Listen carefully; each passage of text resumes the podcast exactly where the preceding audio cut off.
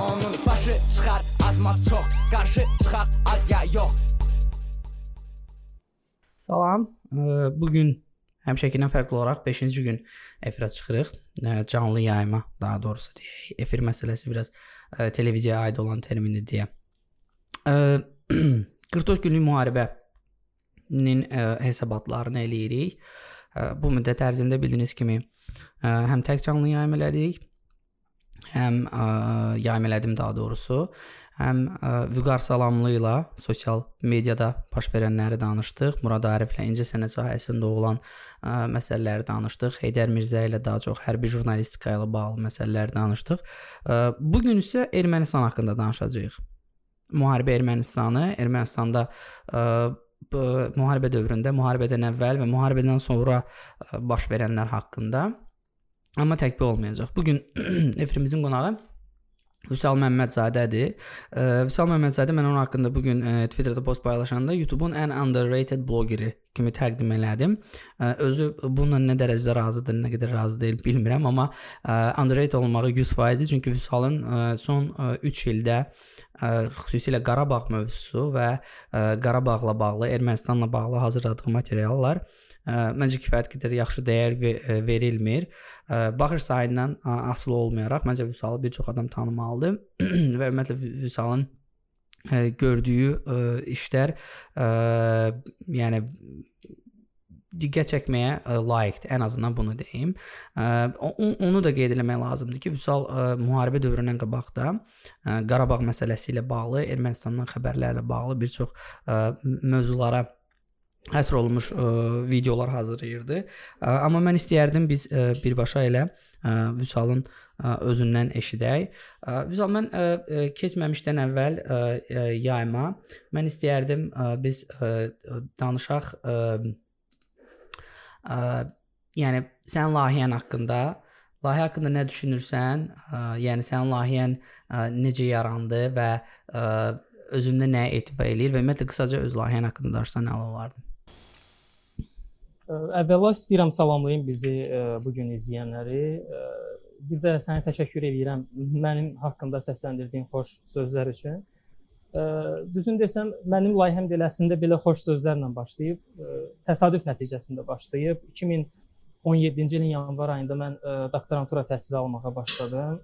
Peşəkar jurnalist fəaliyyətin bir müddətlik bir kənara qoymalı oldum. Yəni sən özün də bilirsən ki, jurnalistika elə bir sahədir ki, bir müddət məşğul olmayanda bacarıqlar koralmağa başlayır. Düzdür, düzdür. Ə, yəni ona görə də mən dedim hansısa bir formada mən bu məşğuliyyəti itirməməliyəm.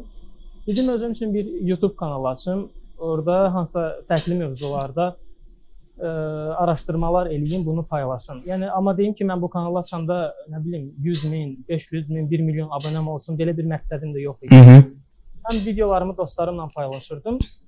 Sonra bir müddət keçdikcə, bir neçə ay keçdikcə gördüm ki, videolara feedbacklər ə, çox yaxşı feedbacklər gəlir tanımadığım adamlardan. Aha. Dedim, yəni gördüm ki, bu məndə alınır bu fəaliyyət. Mən də qərar verdim bu işi peşəkarlaşdırım. Düşündüm biraz hansı sahədə boşluq var və mən hansı sahədə yaxşıyam. Ə, Düzün desəm, yəni bakalavr təhsilindən mən ə, mənim üçün Ermənistan gündəmi həmişə maraqlı olub. Ə, yəni o sahədə belə deyək də background informasiya məndə kifayət qədər var idi o mövzuya müraciət etmək üçün. Yəni qərar verdim, konkretləşdirim, sırf həmin o istiqamətə yönəlim. Çünki ə, öz özün də bilirsən YouTube-da hansısa bir ə, fəaliyyət varsa, burada konkretlik olmalıdır. Yəni dağıtmaq olmaz auditoriyanı. Belə oldu, yəni təsadüf nəticəsində başladım. Düzdür. Ə, çox maraqlıdır ki, biz ə, mən indi ə, özümə başa düşdüm. Deməli, həm ə, ə, Vüqar Salamlı, həm ə, Murad Arif, həm ə, Heydər Mirzə, həm də sən ayrı-ayrılıqda hər biriniz həm publi- publisist jurnalist olan adamlarsınız və mən özüm də jurnalistikanı qutardığıma görə deyirəm ki, ə, heç indi yadıma düşdü ki, bəs sən özün də jurnalistsən və jurnalistika ilə bağlı fəaliyyətin var. Mən, mən hətta səhv eləmirəmsə, həm də müəllimliklə, müəllimlik fəaliyyətində var. Nə dərəcədə düzdür və yaxud da yanılıram? Mən belə deyim, bir bir ə, semestr ə, saat hesabı dərs demişəm Bakı Dövlət Universitetində Hı televiziya jurnalistikası ilə bağlı. Ondan əvvəl də belə deyim, hansı müəllim girmək istəmirdi dərsə, onların dərslərini əvəz eləyirdim mən.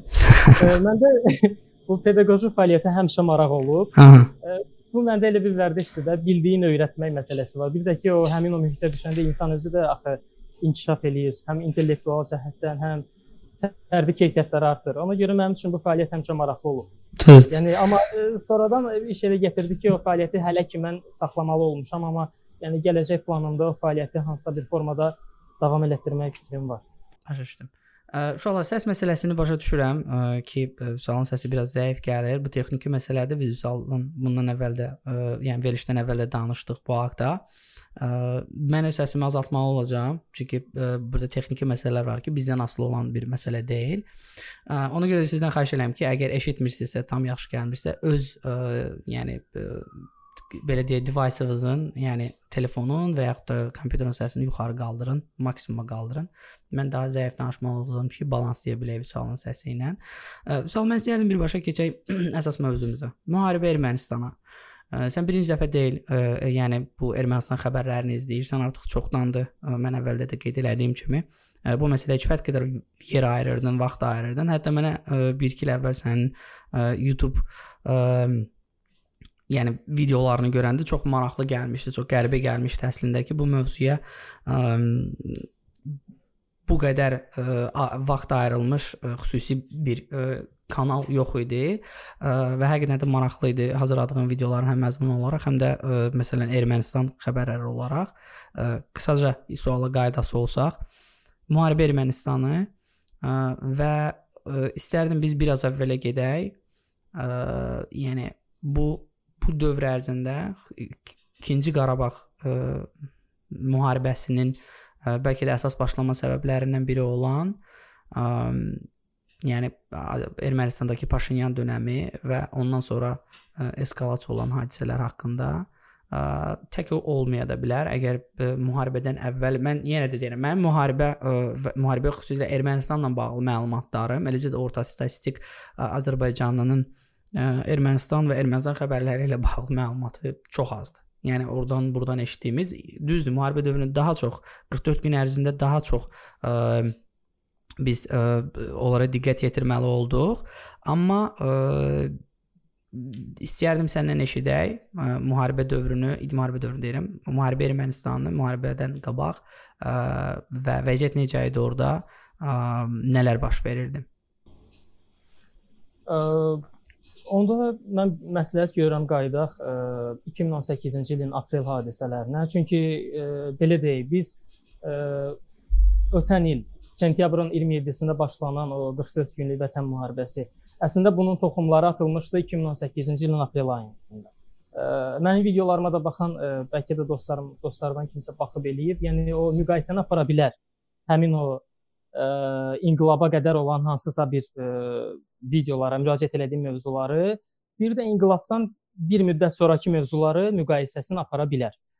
Bu müqayisələri aparanda əslində orada görmək olar ki, Paşinyanın gəlməyi ilə, hakimiyyətə gəlməyi ilə artıq təkcə mən yox, çox adam nə isə gözləyirdi. Çünki biz başa düşürdük ki, biz deyəndə, yəni belə deyək də, Ermənistan gündəmini Netflix serialları kimi həsrətlə belə deyək, oradakı yenilikləri gözləyən adamlar biz belə başa düşürdük ki, Qarabağ Qarabağ Qarabağlıların Ermənistanda hakimiyyətdə olduğu dövrdə bu problemin hansısa formada həlli çox çətindir. Nə mənada çətindir? İstəyirsiniz biraz da əvvələ qayıdaq, danışaq Madrid prinsiplərindən, danışaq Kazan sənədindən. Mən istəyərdim əslində çox üzr istəyirəm səsin kəsinə görə sözünü. Yəni ora haqqında bir qısa bir giriş verək necə idi vəziyyət. Məncə hamıya bu dəqiqə maraqlı olar. Yəni verilişimizin belə deyək canlı yayımımızın böyük hissəsini həsr eləsək müharibədən sonrakı Ermənistan və ə, konfliktin gələcəyi ilə bağlı ə, hansı bir müzakirələr aparsaq. Ona görə ə, qısaca məlumat versə mənim özümə də çox maraqlıdır. Çox detallara girməsək də olar. Belə deyim. Aydın. Yəni demək istədiyim odur ki, ə, Robert Köçəryan və ya Serj Sarkisyan kimi birinin ə, hakimiyyətdə olduğu dövrdə bu problemin həlli əslində çox çətin görünürdü. Nəyə görə çətin görünürdü? Çünki onlar tamam fərqli yanaşırdılar. Məsəl üçün biz deyirik indi sülh ə, yolu ilə bu məsələnin həll olunmağı məsələsi.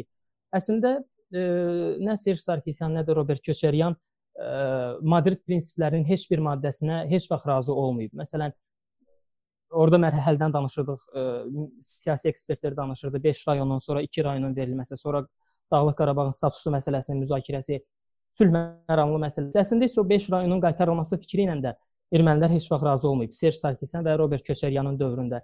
Düzdür, Robert Köçəryanın hakimiyyəti illərində ə, sabiq Azərbaycan prezidenti Heydər Əliyevlə onların məşhur QS görüşü var idi. Orada müəyyən razılıq olmuşdu. Düzdür, o haqqında həmin o ə, görüş haqqında sonradan çox fərziyyələr səsləndi. Təbii ki, detalları heç kim bilmir. Amma konkret nəticə heç vaxt əldə olunmadı. Amma 2018-ci ilin aprel ayında artıq ə, Ermənistanda ə, inqilab olandan sonra, düzdür, o inqilabı da bəziləri siyasi şou adlandırırlar. Mən də müəyyən mənada bundan razıyam.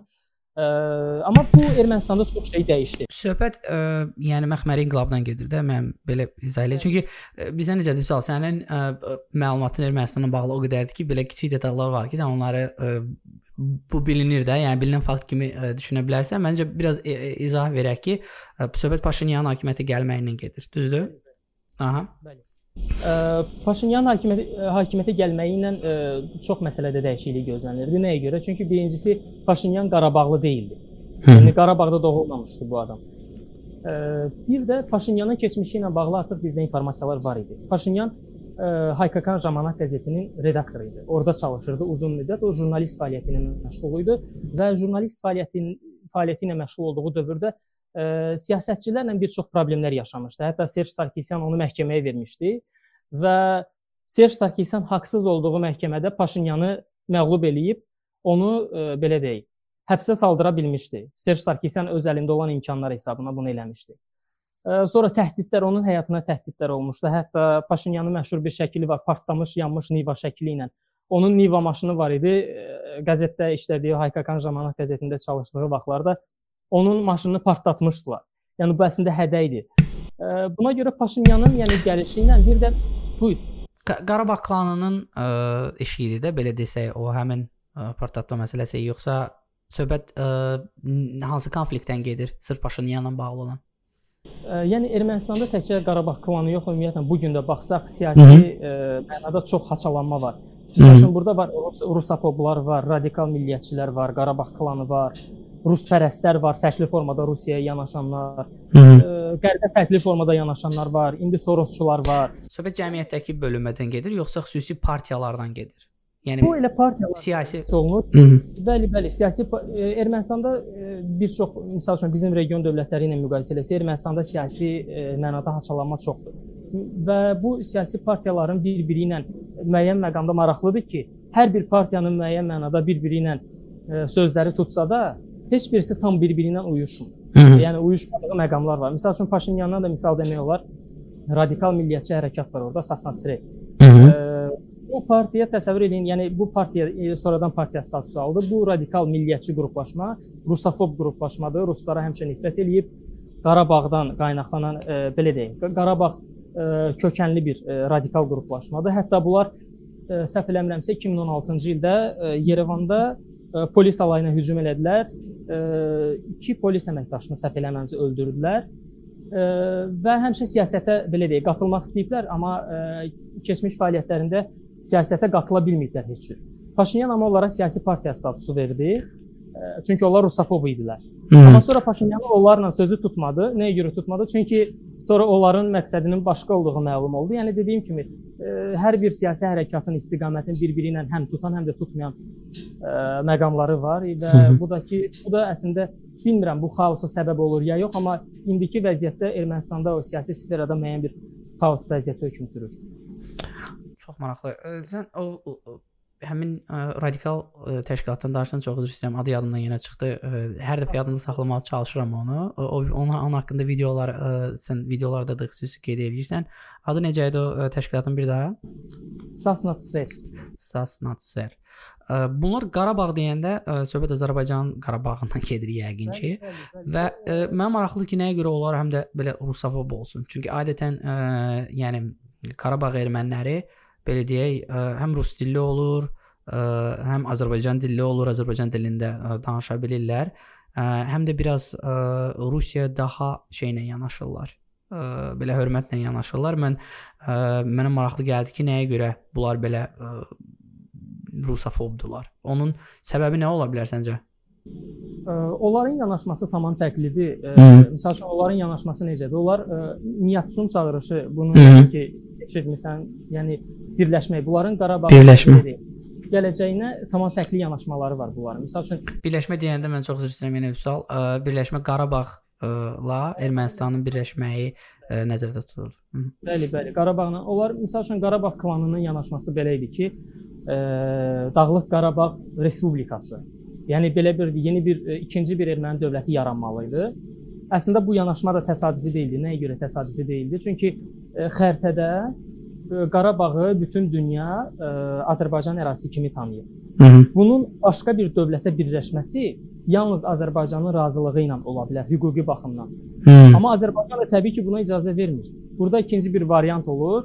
Orada yaşayan etnik azlıqlar öz e, müqəddəratını belə deyək, taleyini, taleyi ilə bağlı özləri qərar verirlər və deyirlər ki, biz müstəqil bir dövlət olmalıyıq. Yəni yanaşma bu cür idi. Onlar e, hansısa bir məqamda, gələcəkdə hansısa bir məqamda e, beynəlxalq hüquq cəhətdən özlərinə bir çıxış yolu saxlamaq üçün -hı. heç vaxt Qarabağın Ermənistana birləşdirilməyi ilə razı olmayıblar. Amma əsasında sirr elə deyildi. Onlar radikal qruplaşma idi. Məsələn, onların hətta liderlərindən biri var, Jiray Sefilyan.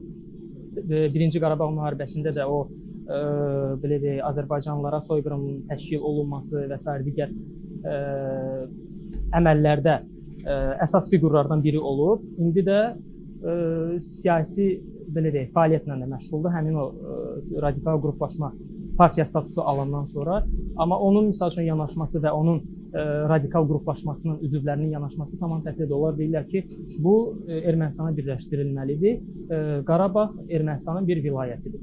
Bunların yanaşması bu cürdür. Yəni qaydası olsaq əvvəlki, yəni əsas sualımıza yəni ə, Ermənistanda müharibədən qabaqki vəziyyətlə bağlı və biz ə, məxməri inqilabdan sonrakı söhbətdən danışırdıq. Bunun ə, təsiri məsələsinə. Ə, Nikol Paşinyan hakimiyyətə gəlməyi, bunu yəqin ki, hamı bilir və artıq ə, milyonlar, yəni milyon dənə bəlkə məqalə var bu haqqda. Ə, yəni onun ilkin siyasəti və hazırda yürütdüyü siyasətlə bağlı ə, qərb meylli olmağı, ə, Sorosla əlaqəsi və s. və ilaxır. Ə, mənə bundan əlavə nə maraqlıdır? Ə, müharibəyə ə, müharibəyə ə, Ermənistan hazır idimi?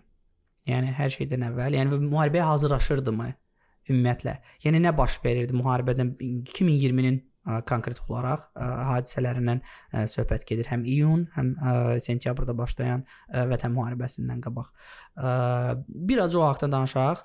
Ə, həm ə, tək siyasi məsələdən də əlavə Mən burada hərbi tərəfi də maraqlıdır. Mən bildiyim qədərilə sən hərbi məsələlərlə də maraqlanırsan, xüsusilə Ermənistanın əldə etdiyi silahlar və Azərbaycanın əldə etdiyi silahlar.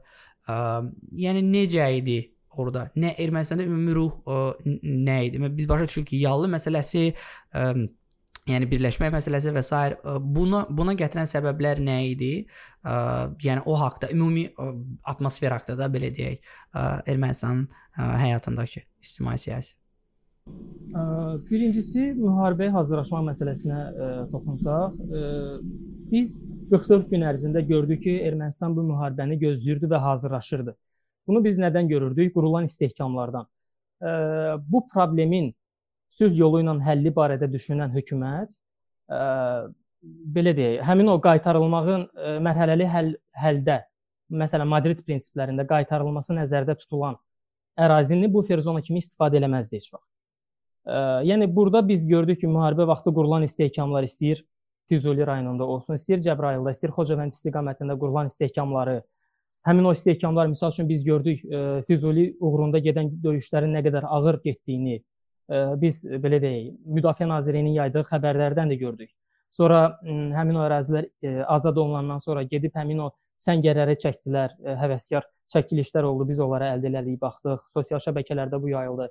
Bunlar hamısı onu sübut eləyirdi ki, Ermənistan hökuməti ə, birinci Qarabağ müharibəsindən sonra artıq ikinci Qarabağ müharibəsinə hazırlaşırdı.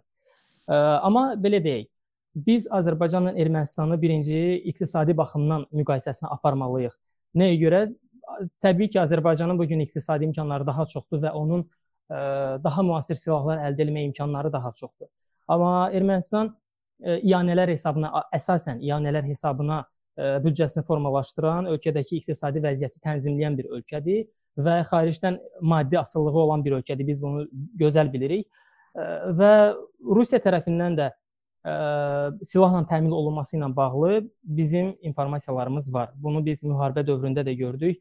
Yəni sosial medianın ə, müharibə dövründəki fəaliyyətindən çox suala cavab tapmaq olurdu və biz ə, müharibə dövründə sosial mediadan əldə etdiyimiz informasiyalardan da Ermənistan tərəfindən təbii ki, yayılan informasiyalardan da gördük ki, Rusiya Ermənistanı müharibə dövründə də silahla təmin etməyə davam eləyir. Rusiya təbii ki, bilirdi ki, bu müharibədə çıxış yolu yoxdur. Ə, Ermənistan məğlub olacaq. Sadəcə burada silahla təmin etməkdə məqsəd ondan ibarət idi ki, Azərbaycan mümkün qədər çox itki versin, həm canlı qüvvə, həm də ə, belə deyək, silah sarıdan itki versin. Çünki belə deyək, ə, müddət müharibənin müddəti nə qədər uzansa, təbii ki, sən qalib gəlsən belə daha çox itki verirsən. Məsələ bu idi. Yəni demək istədiyim odur ki, müharibəni gözləyirdi Ermənistan, sülh proseslərinə hazır değildi. Ancaq Ermənistanın o imkanı da yox idi ki, Azərbaycanın aldığı silahların belə deyək, o balansı qoruya bilsin.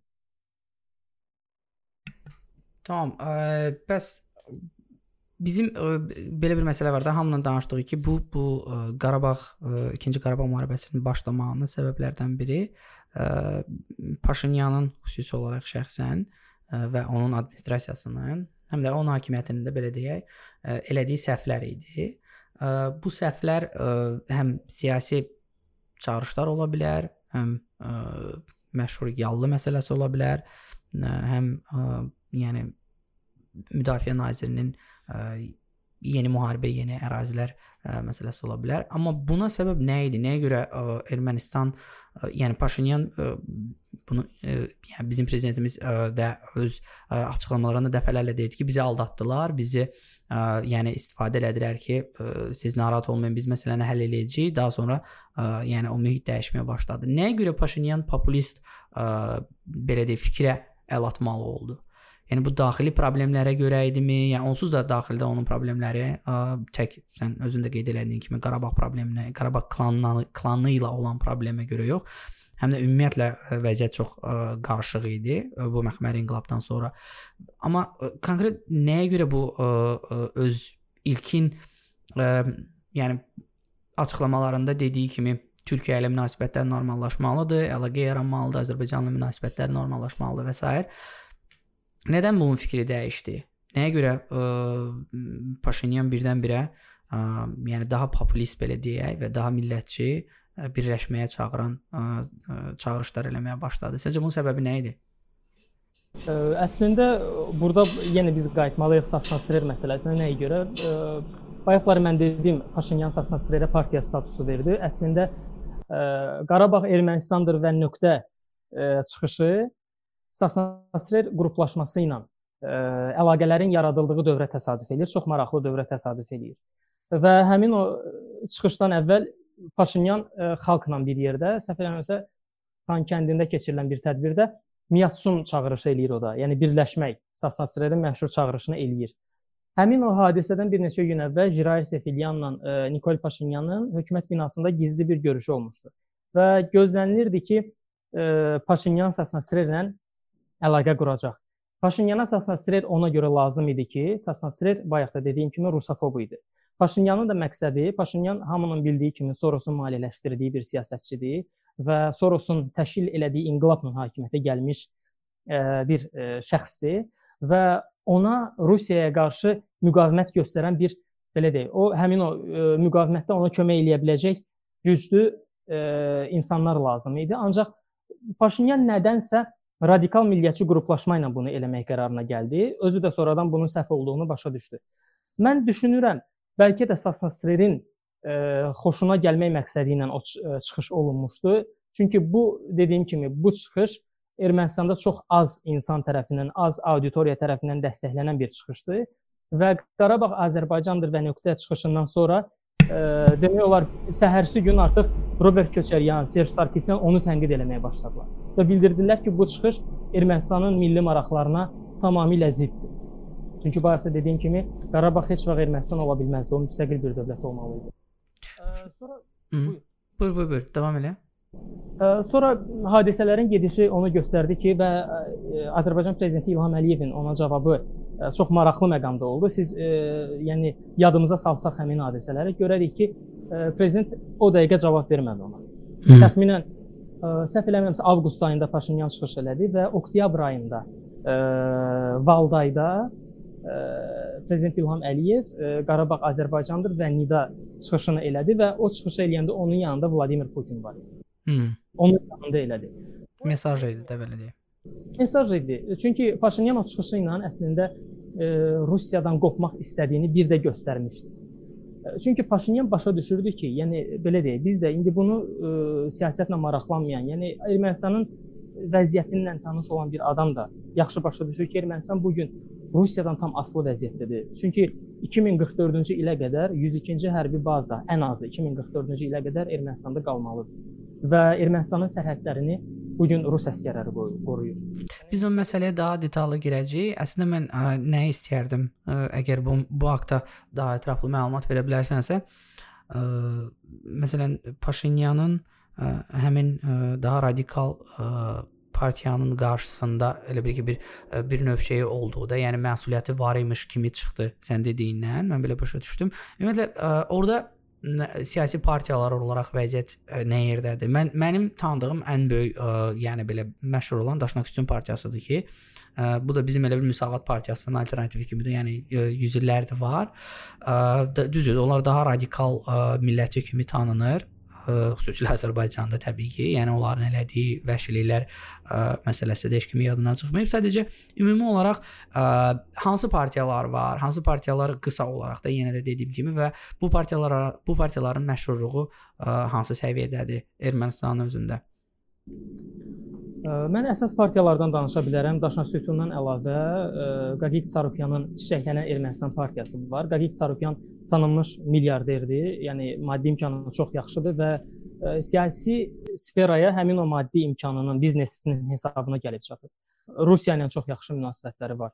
E, Daşan Sütunun da Rusiya ilə çox yaxşı münasibətləri var və ə, e, radikal erməni ə, həmin o ideyalarını qorumaqda ə, olan əsas partiya Daşnak Sütun partiyasıdır. Bu dəqiqədə həmin o 150 il əvvəlki belə deyək, 120 il, 130 il əvvəlki ideyaları qoruyur. Böyük Ermənistan ideyası ilə yaşayan bir partiyadır. Ondan sonra biz danışa bilərik, bu gün çox məşhurlaşıb Edmond Marukyan. İşıqlı Ermənistan kimi tərcümə eləyə bilərik onun partiyasının adını, ya da maariflənmiş Ermənistan kimi tərcümə eləyə bilərik. Edmond Marukyan onu deyim ki, bu gün Ermənistan cəmiyyətində Paşinyan gedəcəyi halda hakimiyyətə gələ biləcək əsas fiqurlardan biri hesab olunur. Yəni onun alternativi kimi hesab olunur. Ancaq düzünü desəm Edmond Marukyan kimi birisinin hakimiyyətə gəlməyi bizə sərf eləməzdi. Çünki o bəzi problemlər yarada bilər. Hər halda Paşinyanın dövründə müharibə yaşansa da biz bir çox problemlərin həllinə uzun illərdən sonra yaxınlaşmışıq Ermənistanla. Düzdür, indi müharibə təzə yekunlaşıb, həm erməni xalqında, həm Azərbaycanda müəyyən xalqların bir-birinə münasibətində problem var, problem var, amma mən düşünürəm ki, vaxt keçdikcə bu atmosfer, bu mühit e, soyuyandan sonra e, masaya oturub hansısa məsələləri müzakirə edib razılığa gəlmək olar. E, amma Paşinyan bu gün getsə, məsəl üçün Vətən partiyası var, məşhur partiyalardan biri. Artur Vanitsyanın partiyası, hansı ki Artur Vanitsyan Paşinyanla dalaşıb ə, Milli Təhlükəsizlik Xidməti direktor vəzifəsini tərk edib getmiş adamdır. Yəni 2018-ci ilin aprel ayında məxməri inqilab yaşandı. Paşinyan ə, hakimiyyəti ələ keçirdi. Ondan sonra ə, e, Ermənistanın ümumiyyətlə baxsaq keçmişinə də Milli Təhlükəsizlik Xidməti ilə bağlı həmişə problemləri olub. Ə, e, Paşinyan da bu ə, e, belə deyək, özündən əvvəlki ə, hakimiyyətə güvənmədiyi üçün bütün strukturu dəyişdi və Artur Vanitsyanı ə, gətirdi, qoydu Milli Təhlükəsizlik Xidmətinin direktoru. Ə, amma sonra maraqlı hadisələr yaşandı Artur Vanitsyanla Paşinyan arasında. Ə, Artur Paşinyan ə, siyasi repressiyalara başlamışdı və Artur Vanisyan qarşısına tələb qoymuşdu ki, filan kəslər həbs olunmalıdır. Və bunun üçün Milli Təhlükəsizlik Xidmətinin arxivindən hansısa bir e, şey tapılmalıdır, bir bəhanə tapılmalıdır. Bu çox maraqlı məqama toxundun siyasi e, repressiya məsələsinə. Çünki Paşinyan özü mən yanılmıramsa, həm də ə, e, hüquq müdafiəsi ə, insan hüquqları ə, yəni təşkilatlarında işləmiş, bu haqqda, yəni bu bununla bağlı çoxlu fəaliyyəti olan bir adam idi. Hakimiyyətə gəlməmişdən qabaq daha sonra onu siyasi repressiyalarda günahlandırmağa başladılar. Baxmayaraq ki, özü də müəyyən siyasi repressiyaya məruz qalmışdı. yenə də, yəni əvvəlki suala qaydası olsaq, bundan bir əvvəlki suala qaydası olsaq, nəyə görə Paşinyan bu bu dərəcədə radikal belə bir dəyişim eləməli oldu da özündə, həm siyasi yönü baxımından ölkə daxili, ə, həm də həmin o repressiyalar olsun, istər ə, keçmiş prezident Köçəryana qarşı, ə, yəni istər məncə Sarkisyana qarşı da deyəsən hətta ə, başlamışdı. Ə, yəni sıxışdırmağa da belə desək, ə, bir məsələ də var ki, bunu ə, yəni əsaslandırırdı ə, istər korrupsiya məsələsi olsun, istər hakimiyyətdən sui-istifadə məsələsi olsun, bunların hamısını bilirik. Ə, yəni düzdür, nə dərəcədə layiq idi, olar və yaxud da korrupsiya olunmuşdumu ki, məncə Sarkisyan və Köçəryan kimi ə, xarakteri belə deyək, ə, az əli Azərbaycanlıların qanına batmış insanların ə, ən azından ə, günahları Azərbaycan milləti qarşısında var. Amma daxili hakimiyyətdə, daxili ə, siyasi arenada belə deyə bunun nə dərəcədə rol oynayırdı mənə maraqlıdır. Çünki hamı günahlandırmağa başladı ə, Paşinyanı birbaşa repressiyada, hamı günahlandırmağa başladı populist çıxışda. Ə, hamı elə bil ki, onun öz prinsiplərinə, hakimiyyətdən qabaqçı prinsiplərinə, yəni xəyanət elədiyini deməyə başladı. Əlbəttə söhbət Paşinyanın belə deyim milyonlarından getmir. Çünki onun da bir xüsusi fanat kütləsi var da mən bildiyim qədərilə. Yəni nə idi səncə səbəb? Nəyə görə dəyişdi? Qaydası olsaq həmin sualımıza. Yəni sırf ə, sırf hansısa bir siyasi partiyanı razı salmaq idimi, yoxsa ümumiyyətlə cəmaət bunu tələb eləyirdimi? Yəni tam başa düşə bilmirəm. Ona görə tə təkrar qayıdıram o suala. Belə deyək, e, Paşinyan inqilabla hakimiyyətə gəlmişdi. İnqilab da biz e, baxsaq, dünya tarixinə də baxsaq, inqilablar olanda adətən struktur tamamilə dəyişir. E, Paşinyanın yanaşması hər şeydə yanaşması, yəni bütün sahələrdə yanaşması fərqli idi Hı. və özündən əvvəlkiləri təkrarlamırdı. Buna görə də özündən əvvəlki strukturda olan şəxslərə inana bilmirdi, yəni etibar eləmirdi. İnqilabla da hakimiyyətə gəlmişdi və apreldə inqilab oldu, dekabrda ə, seçkilər oldu. Yəni həmin o vaxtda belə deyək, o inqilabla hakimiyyət ələ keçirilmiş bir şəxs idi. Yəni səs verməklə seçilməmişdi. Həmin müddətdə bu özünü qoruyub saxlamalı idi. Çünki o başa düşürdü ki, bundan əvvəl olan struktur oturmuş bir strukturdur və burada hansısa bir fərq qalsa, onun üçün potensial təhlükədir. Ona görə bu başqa bir variantı yox idi Paşinyanın və Paşinyan getməli idi. Amma Paşinyanın problemi onda idi ki, Paşinyanın əlində kadr yox idi. Biz o problemi sonra gördük. Paşinyan e, kadr tapa bilmirdi. Sonra e, tez-tez e, struktur dəyişikliyinə gedirdi. Məsəl üçün hansısa bir struktura bir rəhbər təyin eləyirdi. Bir neçə ay sonra onu dəyişməyə məcbur olurdu. Nəyə görə? Çünki baxırdı ki, o həmin adam o işi bacarmır. Yəni indinin özündə belə Paşinyanın kadr problemi var. Yəni mən belə düşünürəm, ə, həmin o siyasi repressiyalardan da danışsaq, onun da əsas ə, məsələ ondan ibarət idi ki, Paşinyanın gücü ona çatırdı. Yəni başqa bir variant yox idi. Paşinyan bilirdi ki, e, Köçəryanı e, yəni tutub həbsə salmaq deməyim, Köçəryanın hər hər həftənin 4-cü günü məhkəməsi olurdu. Köçəryan özü də elə çıxışında deyirdi ki, mənim e, deyir həyatımda 4-cü gün məna ən mənasız günə çevrilib. Mən hər həftənin 4-cü günü məhkəmədə keçirirəm. Yəni o sadəcə belə deyək, həmin o özü üçün potensial təhlükələrin başın hansısa bir işlə, işlə məşğul eləmək istəyirdi ki, bunun siyasətə vaxtı qalmasın. Bundan Bu da həmin vaxtda öz ə, e, ətrafın qaydasına salsın, öz hakimiyyətini möhkəmləndirsin. Və repressiyanın da səbəbi əslində bu idi. Hmm. Bəs bu e, Miyatsun ideyası olsun, ondan sonra ə, e, yeni müharibə, yeni ə, torpaqlar məsələsi olsun. Ə, bunlar yəni cəmiyyət tərəfindən necə qarşılanırdı? Yəni populyar fikir nə idi? Yəni onlar dəstəklənirdimi? Yoxsa elə populyar fikirdən çıxış olaraq bunlar bunu deyirdi? Yəni bu, bu sərt addımlarını səncə? Mən cəmaatdan, adi insanlardan, seçicilərdən söhbət gedir. Var idi elə bir fikir ümumiyyətlə onlarda. Demək olarsa da bunu əgər ə, sən özün ə, görmüsənsə hardasa məsələn sonra hansı bir sorğular olsun ə, və yaxud da hansı bir ə, xəbərlər olsun bu haqqda. Olmuşdumu belə bir şey ki, yəni cəmaət özü dəstəkləyirdi onu və ona görə də ə, Paşinyan bu Paşinyan və onun hakimiyyəti belə ə, populist addımlar atmağa məcbur olurdu. Birincisi o müdafiə keçmiş müdafiə naziri David Tonoyan demişdi ki, müharibə olsa biz e, yeni ərazilər uğrunda mübarizə aparacağıq. Bu özü də əslində populist çıxış idi. Çünki belə deyib, ağlı başında olan e, erməni vətəndaşı başa düşürdü ki, yəni bu gün Ermənistanın gücü o, o deyil ki, müharibədən qalib ayrılsın və başa düşürdü ki, belə deyək, hansısa bir hərbi əməliyyatlar da olsa, məqsəd hansısa bir təxribat olacaq. Yəni Azərbaycan burada artıq iri miqyasda hərbi əməliyyata başlasa, bu Ermənistan üçün təhlükədir. Yəni bunu ağlı başında olan bütün ermənilər başa düşürdülər. O ki qaldı e, cəmiyyətin münasibətinə. Yəni dediyim kimi, bu əslində populist bir çıxış olduğuna görə cəmiyyətdə hansısa bir belə deyək, anlıq rezonansa səbəb oldu. Yəni həmin o dövrün mən indi xəbərlərini yada salmağa çalışıram.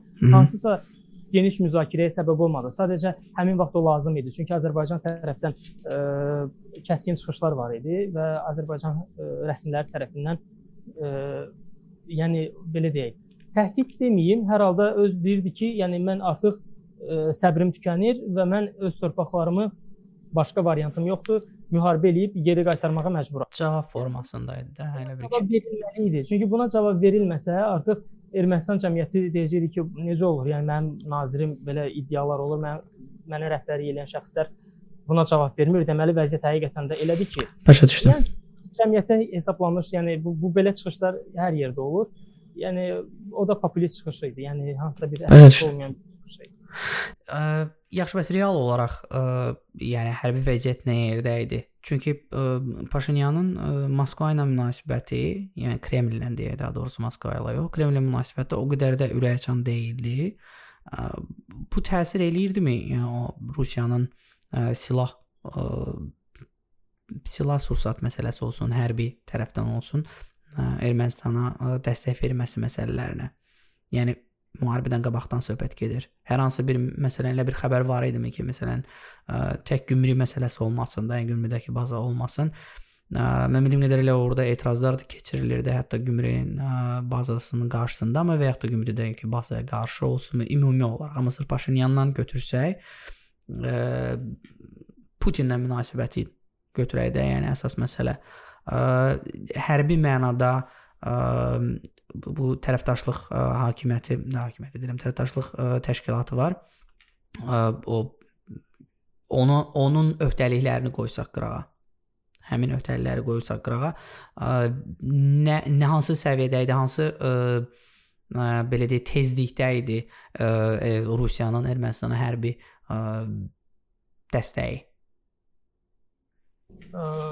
Birincisi onu başa düşmək lazımdır ki, Rusiya Hı -hı. üçün e, Ermənistan hakimiyyətində kimin olduğu o qədər də əhəmiyyət kəsb eləmir. Ermənistan ərazi olaraq Rusiya üçün lazımdır.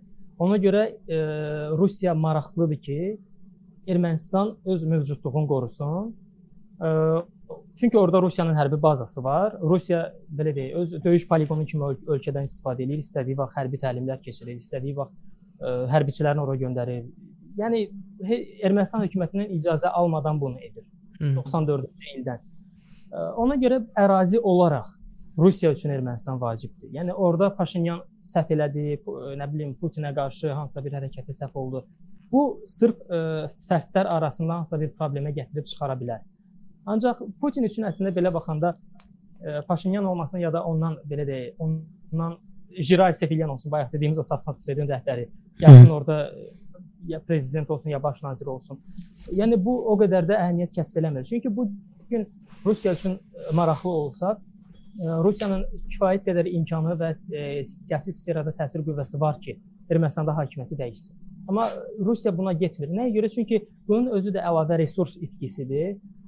Lazım da deyil. Yəni çünki e, belə deyək, bu vəziyyətin qalmağı, stabilliyin qorunub saxlanılmağı Rusiya üçün əlavə problem lazım deyil də, belə deyim. Hı -hı. Ona görə yəni düzdür, Paşinyan çox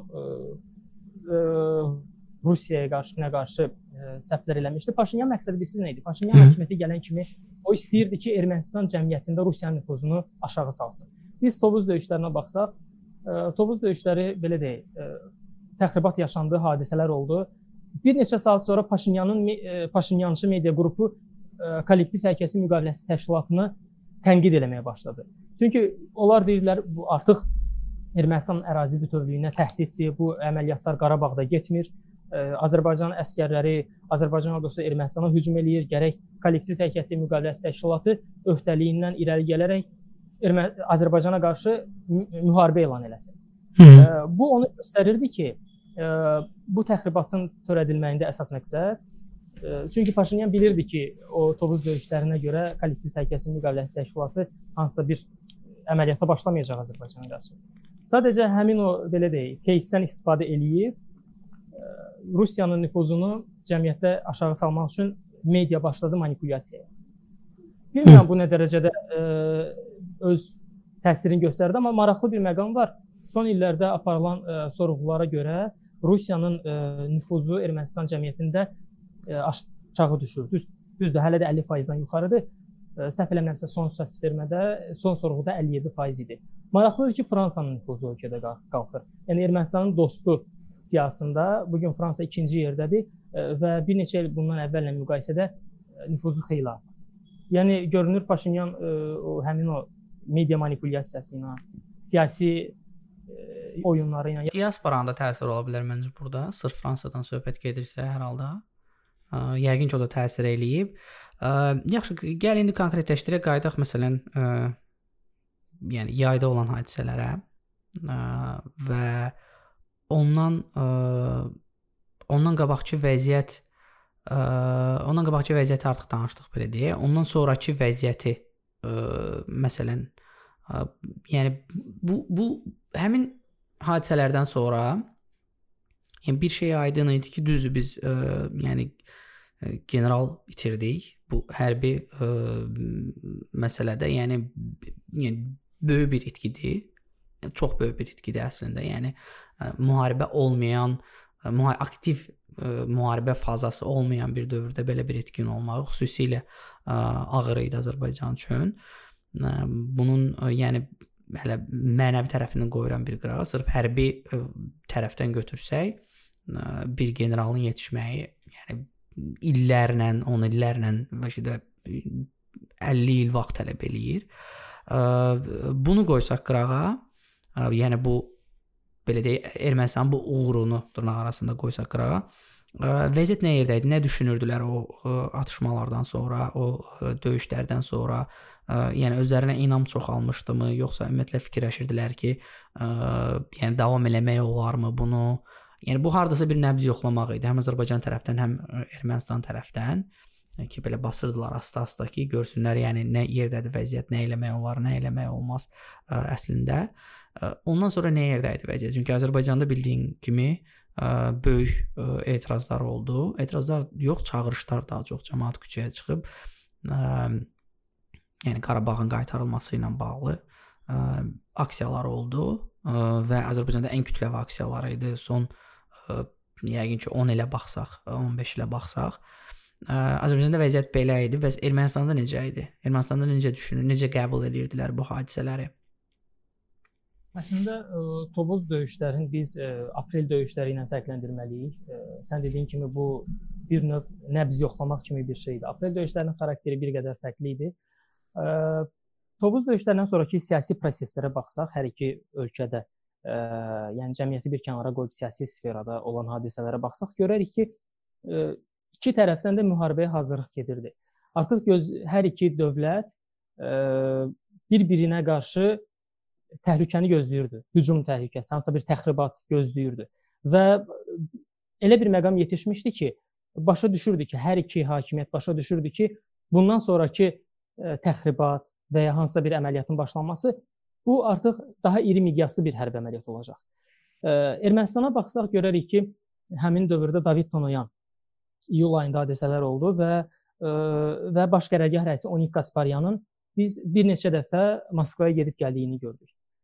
Ondan əlavə Azərbaycanda nələr oldu? Azərbaycanda ə, e, yeni təyin ə, e, yeni xarici işlər naziri təyin olundu.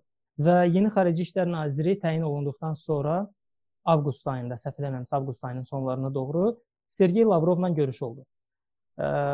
Ondan sonra Sahibə Qafarova, Milli Məclisin sədri, spikeri Moskvaya səfər elədi sentyabr ayında. Və bu proseslər artıq nədənsə xəbər verirdi. Yəni həm Ermənistan tərəfdən Moskvaya tez-tez gedib gələn ə, siyasi ə, fiqurlar, həm Azərbaycan tərəfindən artıq nələrsə hiss olunurdu. Mən hətta belə deyim, 27 sentyabr günü yayımlamağı planlaşdırdığım bir video var idi. O videonun həmin o xam materialını elə saxlayıram, montaj eləməmişəm. Orda hansı dövlət müharibəyə hansı cür hazırlaşır onu təsvir etmişdim. Amma qismət elə oldu ki, yəni mən o videonu nə montaj eləyə bildim, nə yayımlaya bildim. Orda əslində bu detallar var idi ki, artıq müharibə yetişir. Çünki e, belə deyək, xalq tərəfindən Ermənistan e, cəmiyyəti cəmiyyət olaraq sakit idi və buna aprel döyüşləri kimi bir e, hal kimi baxırdılar. Çünki onların torpaq itkisi də olmamışdı, belə deyək. Ümumi olaraq belə bir mənzərə var idi ki, ə, yəni ümumi olaraq mənzərəni qoyuram. Yəni Azərbaycandan götürsək, Azərbaycanda vəziyyət belə idi ki, biz 30 il müddətində insanlar nə dərəcə nə qədər ə, yəni ümidləri azalsa da aktiv, çünki bu birinci dəfə deyildi bu ə, yayda baş verən hadisə. Yenə olacaq, yenə dayanacaqlar, yenə Rusiya müdaxilə eləyəcək, Azərbaycana imkan verməyəcək getməyə. Ə, bu məsələ olsa belə ümumi, yəni tam olaraq 30 ildə yetişən bütün nəsillərdə belə bir şey var idi ki, bu torpaq nə vaxtsa qayıdacaq. Ə, Qarabağdan heç vaxt əlini üzmürdü cəmaət. Düzdür, etirazlar olurdu. Həmin ə, Zəngilandan olan dayının yəqin ki çıxışı ə, xüsusilə müharibə dövründə populyarlaşandan sonra hamı görürdü ki, yəni insanların ümidi hansı səviyyəyə çatmışdı ə, və başa düşüləndi.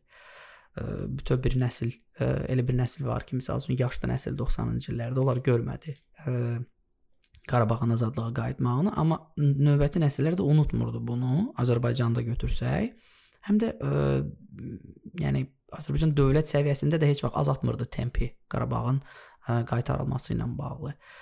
Ə, orada necə idi? Yəni bu, bu biz bayaq danışdıq hər iki dövlət hazırlaşırdı müharibəyə dedin. Yəni mən belə başa düşürəm Ermənistanda da aktiv şəkildə ə, Azərbaycanın hücumuna hazırlaşırdılar.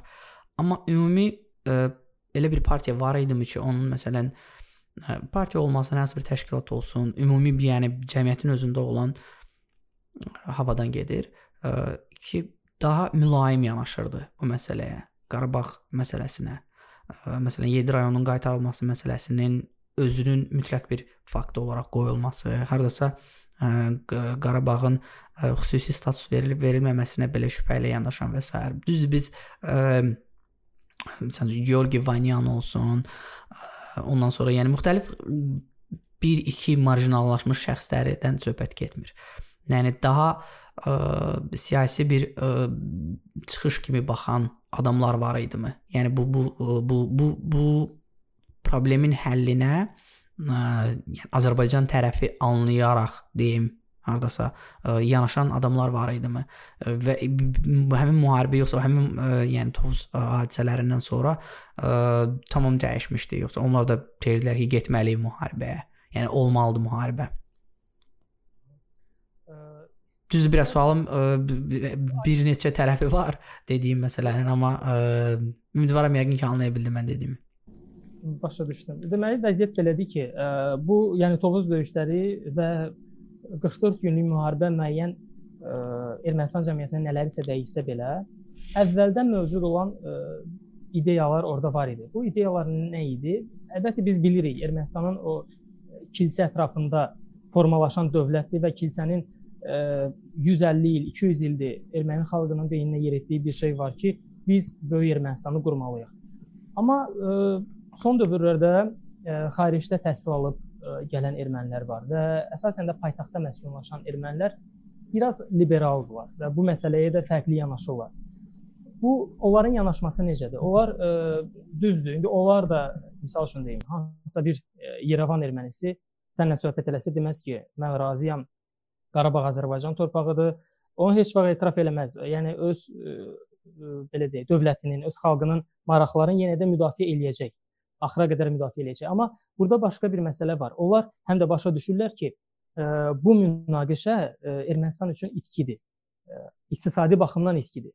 Yəni bu gün biz baxsaq beynəlxalq statistikalara baxsaq görərik ki, Ermənistanın iqtisadi vəziyyəti hər il bir qədər də aşağı düşür və yoxsulluq səviyyəsi 30%-ə yaxınlaşır.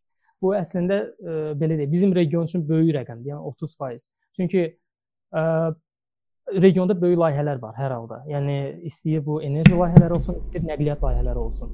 Və Ermənistan bu layihələrdə iştirak eləsəydi, orada mühit fərqli ola bilərdi. Həmin o liberallar da düşünürlər ki, yəni biz də bu layihələrdə bəlkə də iştirak edə bilərdik, amma filan problemə görə biz layihələrdən kənar. Adam da azalır da. Yəni Ermənistanın əhalisinin sayına belə baxsaq, görərik ki, dəhşət çoxlu köç var. Yəni bu bu bu məsələ də məncə biraz təsir eləyir hər halda. Yəni o iqtisadi tərəfə gətirəm söhbəti sənin sözünə dəstək kimi ki, yəni cəmaət qalmır artıq orada və getməyə başlayır.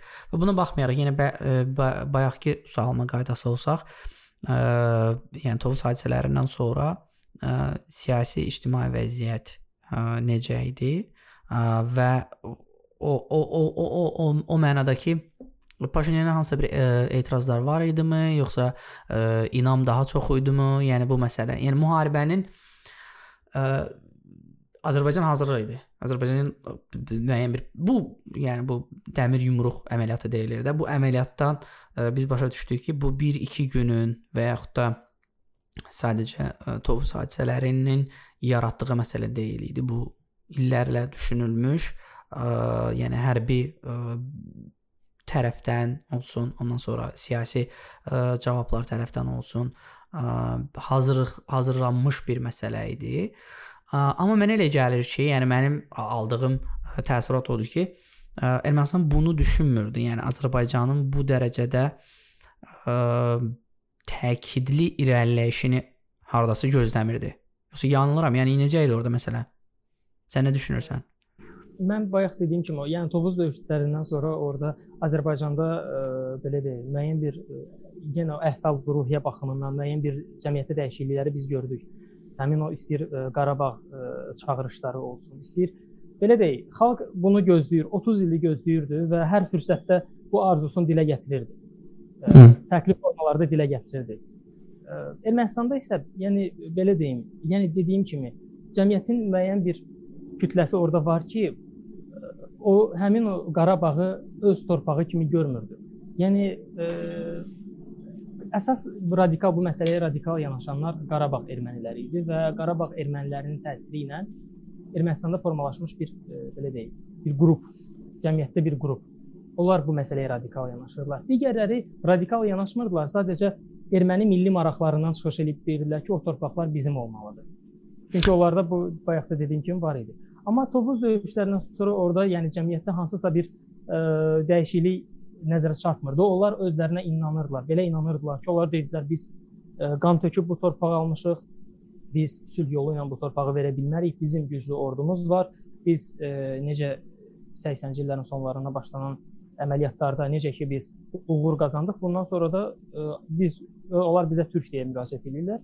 Türklər bizim qarşımızda həmişə məğlub olublar, biz onları yeni məğlub eləyəcəyik. Onlarda bu təhdid şuurlarında belə bir olub. Amma bayaq da dediyim kimi ağlı başında olan ermənilər e, vəziyyətin fərqli olduğunu bilir. Yəni sən demək istəyirsən ki, 90-cı e, illərin hadisələrindən sonra baxmayaraq ki, Azərbaycanın bütün iqtisadi gücü və e, hərbi cəhətdən güclənməyindən sonra onlar hələ də fikirləşirlər ki, mən hərdən videolarda da görürəm bunu.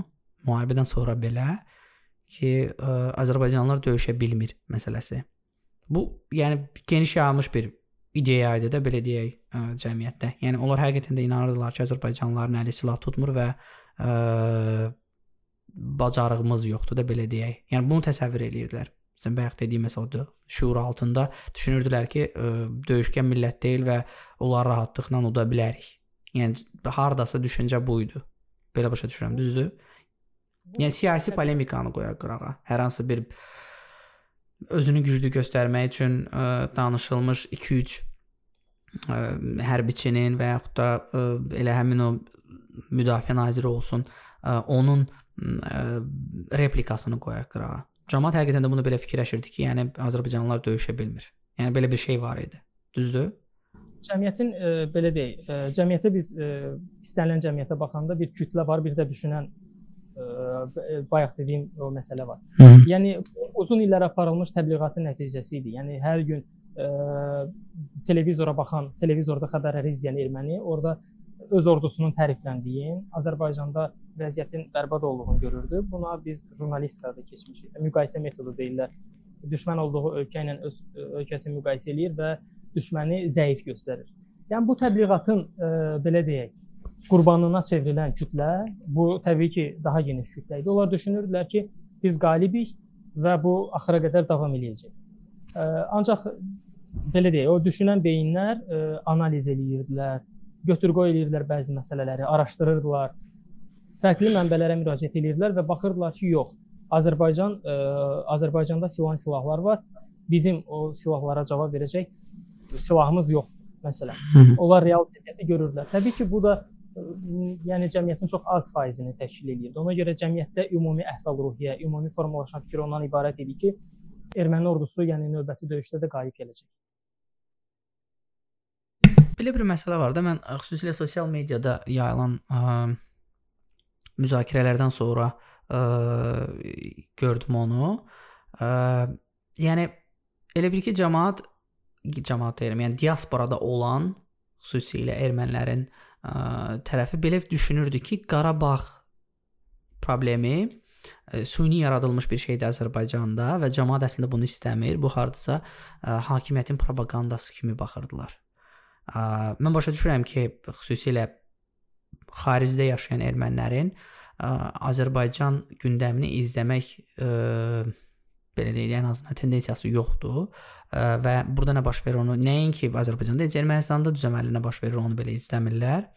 Ona görə də mənə maraqlı idi ki, daxilində, yəni Qarabağda olan ermənilərin məsəl üçün özünün yanaşması tamam fərqlidir. Sən bayaq qeyd elədiyin kimi, İrəvanda olan ermənilərin yanaşması tamam fərqlidir. Hətta müharibə dövründən sonra məsəl üçün belə bir xəbərlər yayılırdı ki, yəni Qarabağdan gələn erməniləri öz evində saxlayan adamlar onların evindən çıxmadığından şikayət eləyib e, polis filan çağırırdılar və deyirdilər ki, bizə lazım deyil ümumiyyətlə e, Qarabağların problemi, biz e, yaşamaq istəyirik. Yəni bu daxili məsələlər tam fərqlidir. Mən başa düşürəm ki, e, bütün ermənilərin e, düşüncəsi eyni olmaya bilər.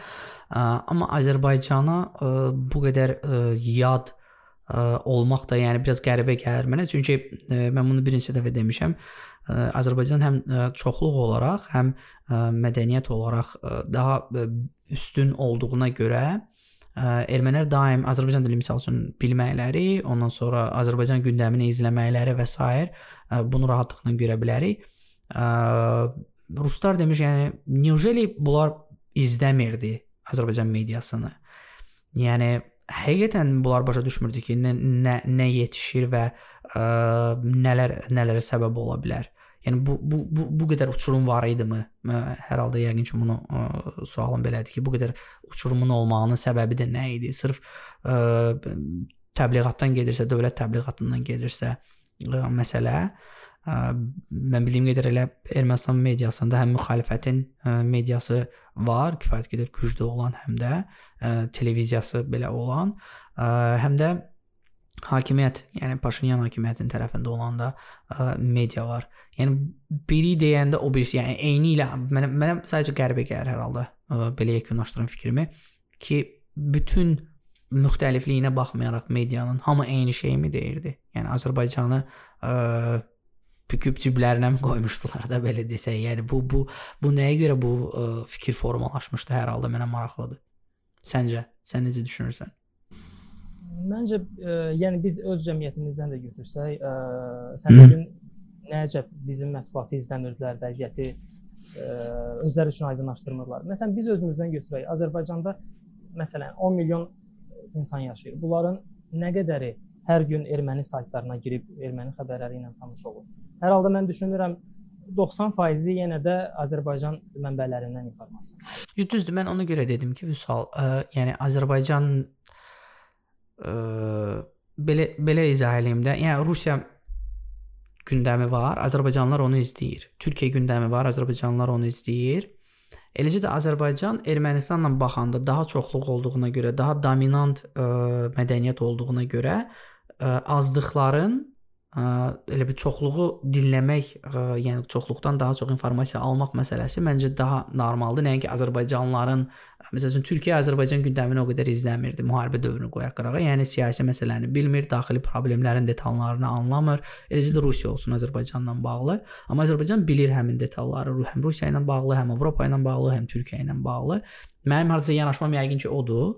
Ə, nə qədər Ermənistanı kiçiltmək kimi bir ə, fikir olsa belə, Mən belə başa düşürəm ki, yəni Hər halda bizim izləməyimiz o qədər məncə də vacib deyildi, amma məsəl üçün onların izləməyi lazım idi kimi gəlir mənə. Yanıla bilərəm təbii ki. Yox, təbii ki, yəni mən bunu dəqiq ə, sayla demək demək yəqin ki, mümkün deyil. Ne, ne, ə, belə deyək, neçə faiz erməni Azərbaycan mətbuatını izləyir, neçə faiz izləmirdi. Amma dediyim kimi, yəni bu mövzu biraz spesifik mövzudur. Yəni hər kəsin maraqlandığı bir siyasətlə hər nə qədər adam maraqlanır ki, yəni belə baxanda ola bilsin ona görə böyük kütlənin əksəriyyəti propagandaya məruz qaldığına görə cəmiyyətdə həmin o propagandaya yönəlmiş fikrin formalaşması daha rahat idi belə deyək, səhv eləmirəmsə filosoflardan Əl-Qəzalinin belə bir sözü var. Bir iki cür həqiqət var. Biri filosoflar üçün, biri rəiyyət üçün. Yəni orada yəni bütün cəmiyyətlərdə daha çox rəiyyət üçün olan informasiyanı verirlər, filosoflar üçün olanı saxlayırlar. Filosoflar olan üçün olanı da artıq o düşünən beyinlər axtarıb tapırlar. Yəni bütün cəmiyyətlər məncə propagandadan əziyyət çəkirlər. Düşünən beyin də tutaq ki, yenə həmin mən müraciət eləyirəm ə, müharibə dövründə gördüyüm adamlara. Ə, yəni onların belə yanaşması tamam fərqlidir. Yəni onlar elə düşünür ki, ə, bayaqçı məsələmə yenə dediyim məsələyə qayıdıram. Ə, nəyə görə elə düşünürlər ki, Azərbaycan üçün önəmli olmamalıdır Qarabağ və bu təbliğatın bir hissəsidir. Yəni bu hardan gəlirdi? Bu əks təbliğat idimi, yoxsa elə düşünürdülər ki, Azərbaycandakı demokratik ə, vəziyyət buna imkan vermir ki, insanlar öz səsini çıxartsın və s. Ə, ya düşünən beyinlərdən ə, danışırıqsa, mən bayaq ümumi cəmiyyətdə olan əhval-ruhiyyədən danışdım. Düşünən beyinlərdən təbii ki, axtarıb ə, vəziyyətin nə yerdə olduğunu bilənlər var idi. Mən bayaq da qeyd elədim. Ə, yəni belə deyək, mənim də ünsiyyətdə olduğum bəzi ə, insanlar var idi. Onların da izlədiyim belə deyək, ictimai şəxslərin profilləri var, hansı ki, mən demək olar hər gün çalışıram onların nə paylaşdığını izləyim. Yəni onların da bəziləri var idi ki, məsəl üçün ümumi vəziyyətin nə yerdə olduğunu bilirdi və ehtiyat eləyirdi. Xüsusilə Tovuz döyüşlərindən sonra bəzi siyasi şəxslər var idi ki, onların Facebook çıxışlarında onlar daha çox müxalifət yönümlü idilər. Onlar deyirdilər ki, Paşinyan torpaqları verməyə hazırlaşır. Bunun təbliğatı gedirdi artıq. Ya amma bəziləri də var idi, düşünürdülər ki, Azərbaycan hökuməti, indiki Azərbaycan hökuməti Qarabağı istəmir. Buna inananlar da var idi. Amma son proseslər göstərdi ki, onlar səhv eləyirlər. Vəziyyətin nə yerdə olduğunu onlar da gördülər. Əslində, yəni kütlənin düşünən beynin də müəyyən bir hissəsində bu vəziyyətin axıra qədər belə qalacağını düşünənlər var idisə, onların bir hissəsi də hə düşünürdü ki, Azərbaycan hökuməti hakimiyyəti Qarabağı istəmir. Bu bir oyundur. Bayaq səhv eləmirəmsə sən də ona bənzər bir fikir dedin ki, bu bir oyundur. O, o fikirdə olan insanlar da var idi. Amma yenə dediyim kimi mənim izlədiyim bəzi ictimai şəxslər vəziyyətin nə yerdə olduğunu bilirdilər. Bir burada şeylər yazırlar, yəni davamlı olaraq ə, səs məsələsinə toxunur. Mən qeyd elədiyim kimi ə, texniki məsələ var. Biz bunu ə, həll edə bilməyəcəyik. Ona görə öz ə, mikrofon, yəni öz qulaqçıqların səsini və yaxud da nədən qulaq asırsınızsa, ə, onun səsini düzəltməyə çalışın. Ə, bir də başqa məsələ deyim. Mən burada görürəm ə, şər şərhlərdə ə, lazımsız şeylər də yazırlar hərdən. Ə, ona görə ə, Asif Məmmədovu mən moderator eləmişəm. Zəhmət olmasa Asif şərhlərə fikir ver. Orada lazımsa şərh yazanlar ə, silinsin və yaxud da ə, hər hansı problem yaradan adam varsa, onları da ə, kanaldan qova bilərsən. Ə, bu məsələ səs məsələsini yenə dediyim kimi mən çalışıram maksimum səsimi aşağı eləyim ki, canlı səsini tam eşidə bilək. Ə, mən New Yorkdayam, Vüsal Bakıdadır. Texniki məsələlər var. Ə, ona görə də yəni bu ə, tam ə, rahat getməyə bilər. Biraz səbirli olun. Əsas məsələ odur ki, bizim ə, Vüsalın ə, dediyini ə, tam eşidə bilək, qulaq asa bilək, ə, başa düşə bilək. Ə, Vüsal qaydası olsaq, yəni əsas mövzumuza mən istərdim indi ə, biz bu müharibədən əvvəlki Ermənistanla bağlı danışdıq. Müharibə dövründə Ə, sən ə, kanala da yükləmişdin ə, 44 gün ərzində baş verən bütün hadisələrin xronologiyasını, ə, yəni öz kanalına çox maraqlı idi onu belə bir yada salmaq məsələsi. Amma ə, istəyərdim biraz Ermənistan, sırf Ermənistanı götürək. Azərbaycanı tam ignor eləyək və 44 gün ərzində ə, nə düşünürdü ermənilər? Yəni əvvəlindən sentyabrın 27-sindən ə, ilk ə, yəni bu qarşı durmaların olduğu dövrdən ə, tam sonuncu günə qədər müqavilənin üç tərəfli müqavilənin imzalandı olduğu bu hadisəni danışaq. Ondan sonra da ə, müharibədən sonrakı ə, Ermənistanı müzakirə edərik. Müharibə Ermənistanı əsas mövzu. Nə baş verirdi? Vəziyyət necə idi? Mən istərdim biraz detallı o haqqda danışaq. Müharibə dövründə müharibənin ilk günündən ə, yenə o cəmiyyətdə olan əhval-ruhiyyəni yada salsaq, necə idi vəziyyət? Cəmiyyət yenə mediaya etibar eləyirdi, çünki əlində başqa bir vasitə yox idi. Sosial şəbəkələrdə də ə, e, sırf ə, e, vəziyyət elə idi ki, yəni başa düşürük, müharibə vəziyyətində ə, e, hər bir tərəf öz cəmiyyəti üçün çalışır. Ola bilər burada müəyyən dezinformasiyalar olsun, bilərəkdən yayılmış dezinformasiyalar və ya hansısa bir informasiya yarımçıq çatdırılsın, ə, fərqli təqdim olunsun Təbii ki, bu da Ermənistan mətbuatında da var idi. Ermənistan mətbuatında problem ondan ibarət idi ki, Ermənistan məğlub olurdu. Hər gün nəsə itirirdi. Həm canlı qüvvə, həm texnika, həm torpaq itirirdi. Döyüşlərin ilk günü separatçı rejimin rəhbəri Aray Karutunyan çıxışında etiraf elədi ki, biz cənub istiqamətində torpaqlar itirmişik və canlı qüvvə itirmişik. Həmin gün helikopterlə bir neçə yaralını İrəvandakı hospitallara çatdırdılar, vəziyyət ağır olanları. Artıq cəmiyyət başa düşdü ki, ilk gündə belə bir şey varsa, nəsə bu aprel döyüşləri deyil. Burada artıq fərqli nələrsə var. Və Ermənistan cəmiyyətində müəyyən bir narahatlıq yarandı.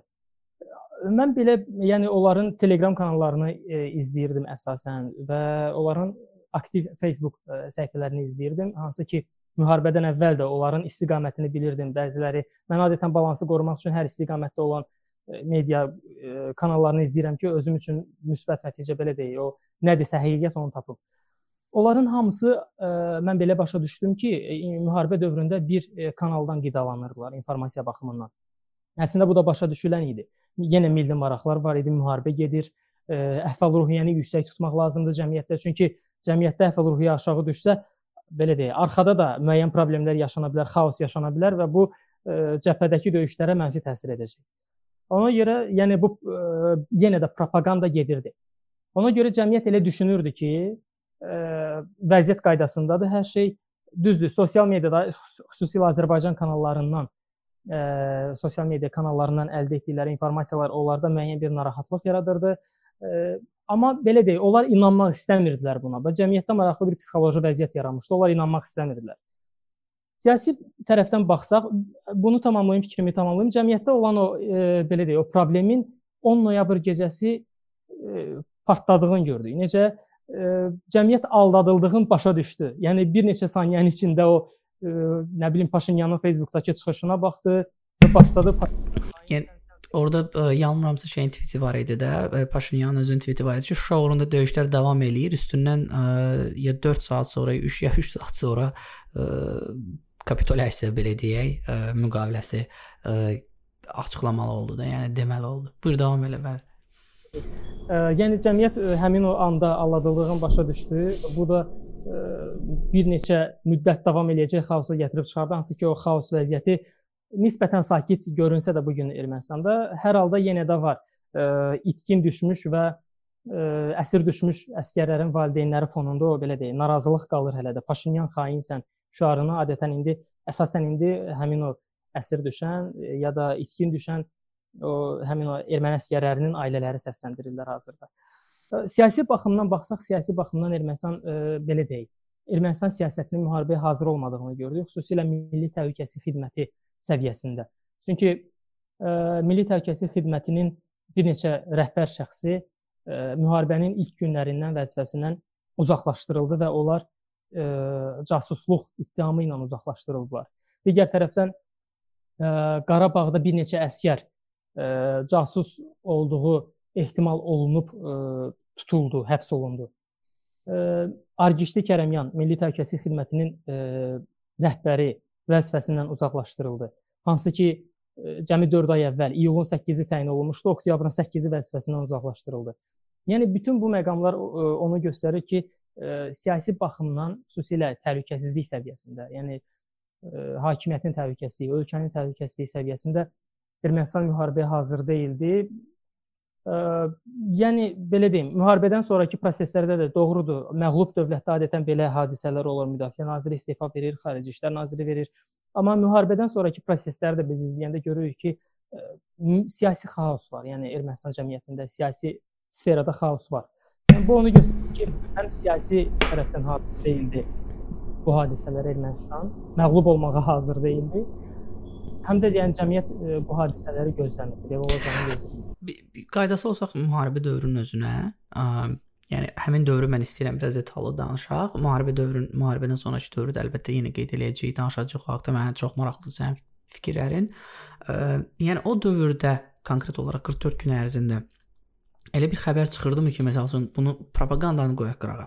Əlbəttə ki, Azərbaycan tərəfdən və Ermənistan tərəfdən ə, müharibə dövrüdür və ə, müəyyən şeylərə qadağalar qoyulurdu. İstər Azərbaycanda internetin ə, yəni ə, limitləşdirilməsi olsun, ə, İstərsə də yəqin ki, Ermənistanda rəsmilərin birbaşa yalanlar olsun və yaxud hansısa faktların gizlədilməsi məsələsi olsun, sən dediyin kimi onları qoysaq qırağa.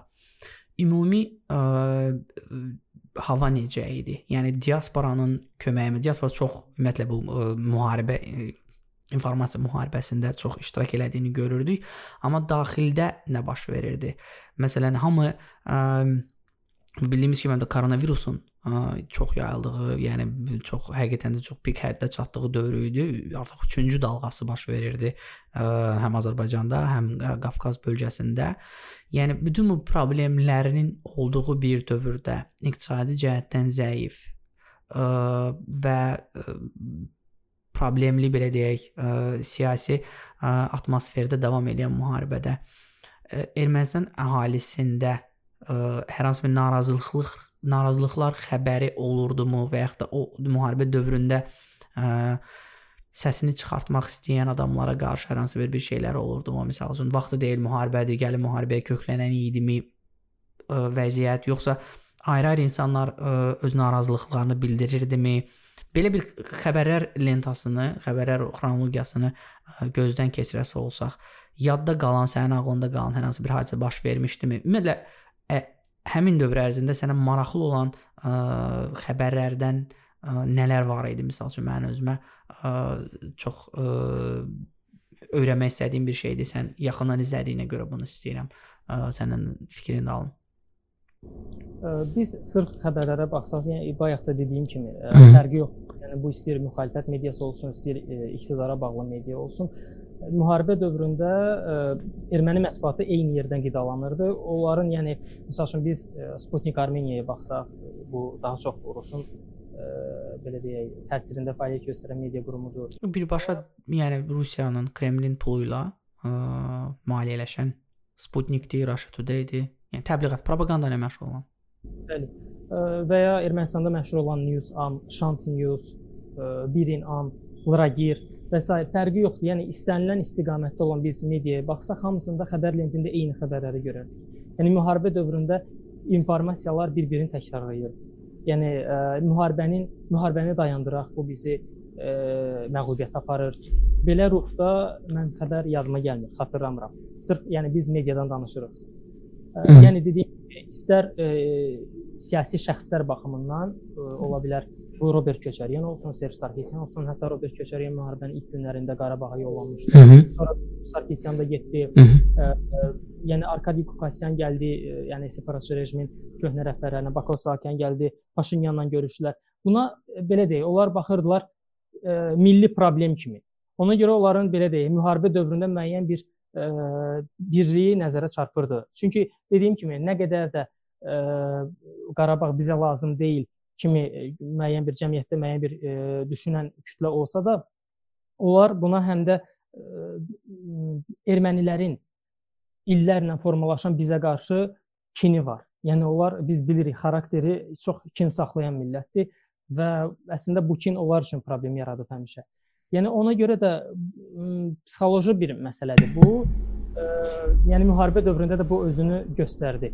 Yəni hansısa bir yox idi. Amma sosial mediada bəzi yəni izlədiyim adamlar var idi ki, nədən narazılıq edirdilər. Məsələn, onların məşhur bir ə, jurnalisti var, Tatula Kopyan, ə, Qarabağ münaqişəsi ilə bağlı çox məlumatlıdır. Özü erməni cəmiyyətində ə, böyük nüfuza sahib olan bir şəxsdir. Ə, yəni Civilnet-də də özü fəaliyyət göstərib bir müddət. O ilə Civilnet-in vasitəsilə ə, müharibə dövründə səhv eləmirəmsə Sünikə səfər elədiyini deyir və deyir ki, mən gördüm ki, deyir bizə mətbuatda deyirdilər ki, ə, Xudafərinə qədər Xudafərin istiqamətindən Azərbaycan ordusu artıq məğlub edilib. Deyir, amma mən gördüm ki, Zəngilanda Azərbaycan ordusu var. Yəni Sünik istiqamətində gedən döyüşləri izləyib deyir. Bir mən onda başa düşdüm ki, media Ermənistan cəmiyyətini aldadır. Bu yazı müharibədən sonra dərc olunmuşdu.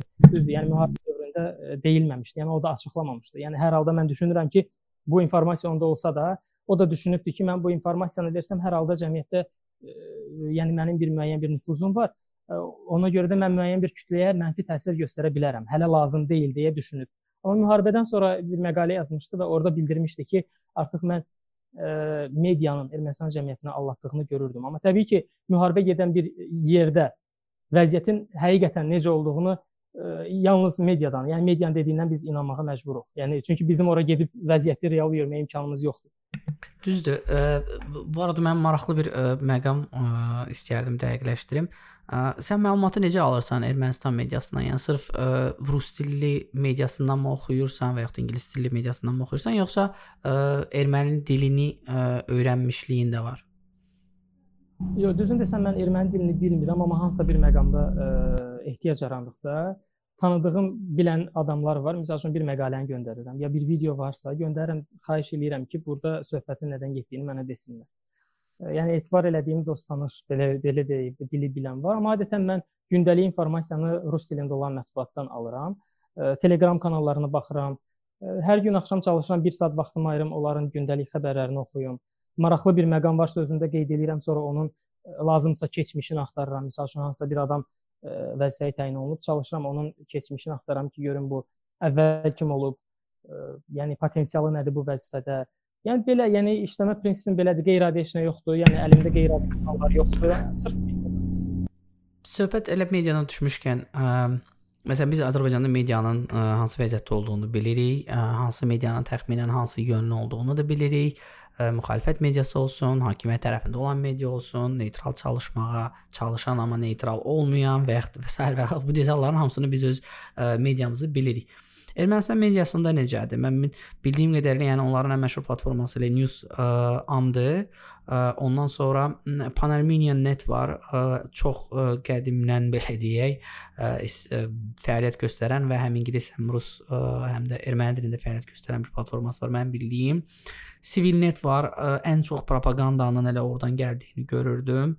Ə, Sputnik və başqa Azad Tütün deyirlər də, yəni Azadlıq ə, radiosu olsun bu kimi başqa dövlətlərin qurumlarının ə, mediasının orada ə, mediasını çıxsaq, yerli mediadan hansı medialar var ki, məsəl üçün sən qeyd edə bilərsən ki, bu mediaları izləyin, bu medialarda məsəl üçün aşağı-yuxarı təxminən ə, obyektiv xəbərləri almaq olar və ya da Telegram kanallar ola bilər, hansı Telegram kanalı izlədiyin ə, ki, maraqlıdır ə, bunları izləmək, Ermənistan xəbərlərini əlbəttə öyrənmək istəyənlər üçün.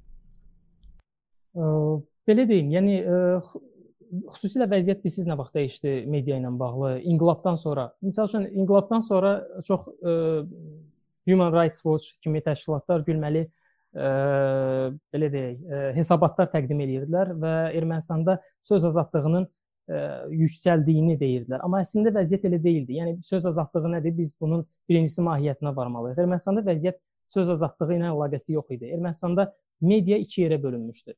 Bir iqtidar mediası, bir müxalifət mediası. Çünki ə, e, ondan əvvəl ə, e, Serj Sarkisyan və Robert Köçəryanın əlində ə, e, çox güclü media kanalları var idi, televiziya kanalları var idi. Və maraqlı bir məqam deyim, ə, Nikol Paşinyanın yeni illə bağlı erməni xalqına müraciətin ə, həmin o müxalifət yönümlü kanallar yayımlamadı. Yəni bu Ermənistanda bir ilk idi. Yəni çox maraqlı məqam idi. Yəni bu söz azadlığı sayıla bilərmi?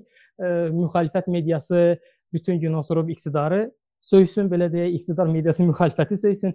Yəni burada medialar e, bir-birinə üz-üzə gəlib və müharibə edəcəklər. Yəni informasiya müharibəsi içindədirlər daxildə və mən məncə bu söz azadlığı deyil. Sadəcə e, bu gün e, Nikol Paşinyanın ə, həmin o media media ilə mübarizə aparmaq imkanları biraz dardır. Amma vaxt olub ki, aparıb. Məsəl üçün tədbirlər olub ki, həmin tədbirlərə müxalifət mediası buraxılmayıb. Məsəl üçün ə, H2 kanalı var idi. Robert Köçəryana çox yaxın idi onun rəhbəri. Həmin o H2 kanalının rəhbəri adını xatırlamıram indi.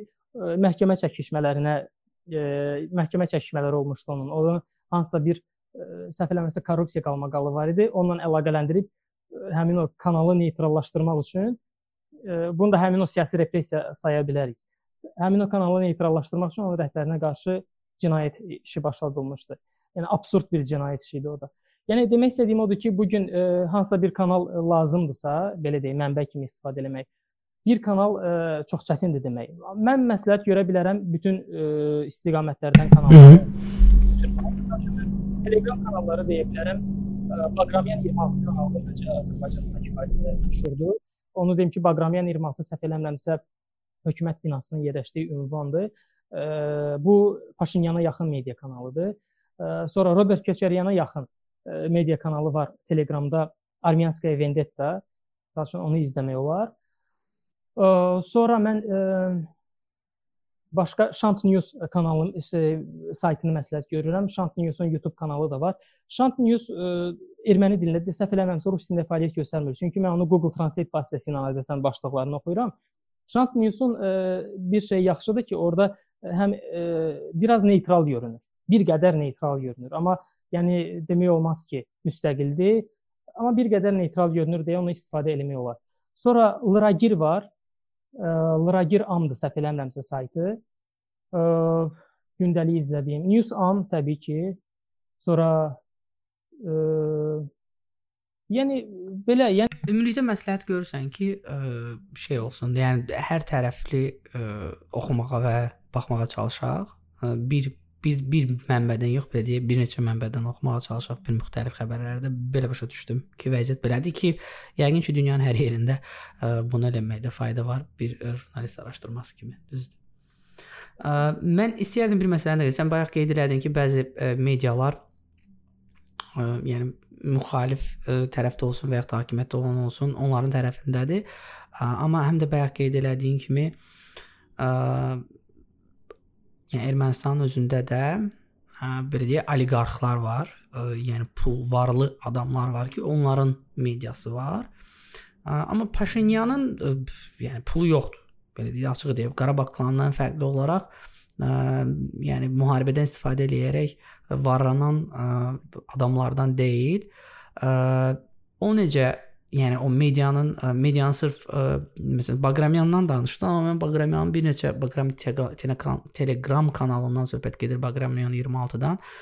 Ə, yəni onların ə, bir də görsən, yəni Paşinyana münasibəti də o qədər yaxşı deyil. Özlərindən şərh əlavə eləyəndə hərdən ə, yəni Paşinyanı ə, tənqid eləməkləri var. Yəni təbii ki, bu onların Paşinyan qarşı olduğunu demək deyil. Ə, əlbəttə. Ə, yəni nəyə gətirdim sözümü? Varlı adamların kanalları və Paşinyan bunlara qarşı necə mübarizə aparır? Yəni varsa, yoxsa Paşinyanın hakimiyyətdə qalmağında maraqlı olan varlı adamlar da mı var? Yəni ümumi ə, belə götürsək də hansı ə, medialar, media maqnatlar var ki, ə, sən tanıdığın, ə, onların ə, yəni fəaliyyətini belə deyək, qeyd eləmək lazımdır. Bu sualdan sonra keçərik ə, yəqin ki, ə, müharibədən sonrakı Ermənistan və ə, gələcəklə bağlı planlar məsələsinə. Varmı ağlında qalan hər hansı bir media maqnatlar ki, onları yadımızda saxlaya bilərik ki, bu adamlar ə, gələcəkdə hakimiyyətə gəlmək üçün öz mediasından istifadə edə bilər? Elə deyim, ə, sən də dediyin kimi Paşinyanın ə, pulu yox idi. Paşinyan prosta vəsaiti qərbdən alırdı, Sorosdan alırdı. Paşinyan və Paşinyanın komandasında olan bəzi adamlar var idi. Onlar Soros fondunun bir neçə layihəsində iştirak eləmişlər və bu layihələrin əksəriyyəti media ilə bağlı idi. Ona görə onların əlində müəyyən bir media formalaşmışdı. Qərb meylli, qərb təfəkkürlü media formalaşmışdı. Yəni Paşinyan sırf pulla hansısa bir medianı idarə etmək belə bir şey yox idi. Paşinyan illər ərzində müəyyən bir media dəstəyi belə deyək, öz ə, çevrəsini formalaşdıra bilmişdi. Amma ə, köhnə belə deyək, oliqarxlar, ə, Robert Köçəryan, Qaqik Sarukyan, Serj Sarkisyan kimi adamlar bunların təbii ki, pulu var idi və pul vasitəsilə onlar öz həm öz PR-ı üçün, həm də gələcəkdə lazım ola bilər deyə bu vəziyyətlərdə bir çox media kanalları saxlamışlar. Buna həm televiziya kanalları, məsəl üçün Kanal 5 ə, məşhurdur. Bir neçə veb saytlar, sosial media platformaları və s. daxil edib. Yəni bu gün oliqarx deyəndə mənim yadıma ilk Qaqik Sarukyan düşür və düşünürəm ki, Qaqik Sarukyanın kifayət qədər pulu var ki, medianı əlinə alsın və Artur Vanitsyan bayaq onun haqqında danışdım, köhnə e, Milli Təhlükəsizlik Xidmətinin direktoru.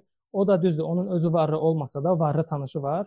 E, Samvel Karapetyan Moskvada yaşayır, Taşir şirkətlər qrupunun rəhbəri, e, milyarderdir, məşhur erməni milyarderdir və o e, Vanitsyanın yaxın dostudur. Hətta Vanitsyan e, Milli Təhlükəsizlik Xidmətinin direktoru vəzifəsindən uzaqlaşdıranda bir neçə gün sonra Moskvada gedib e, Samvel Karapetyanla görüşmüşdü və onun vəsaiti hesabına bu gün Vətən Partiyasını və Vətən fondunu yarada bilib. Bəs xaricdə olan medialardan necə istifadə edə bilirlər ya yox? Məsələn, ə, biz bildiyimiz kimi Rusiyada da, ə, Rusiyanın mediasında da bir çox ə, redaktorlar, prodüserlər və hətta ə, media maqnatlar var, hansı ki, ə, Ermənistanlar Ermənistana yəni daha ə, xeyir eləyən xəbərləri e, paylaşırdı və ya da bölüşürdü. Nəinki müharibə dövründə, elə ondan qabaqda və ondan e, sonrakı dövrdə də. Yəni onların ə, e, hər hansı bir təsiri varmı daxili siyasətinə Ermənistanın? Mənə orada maraqlıdır.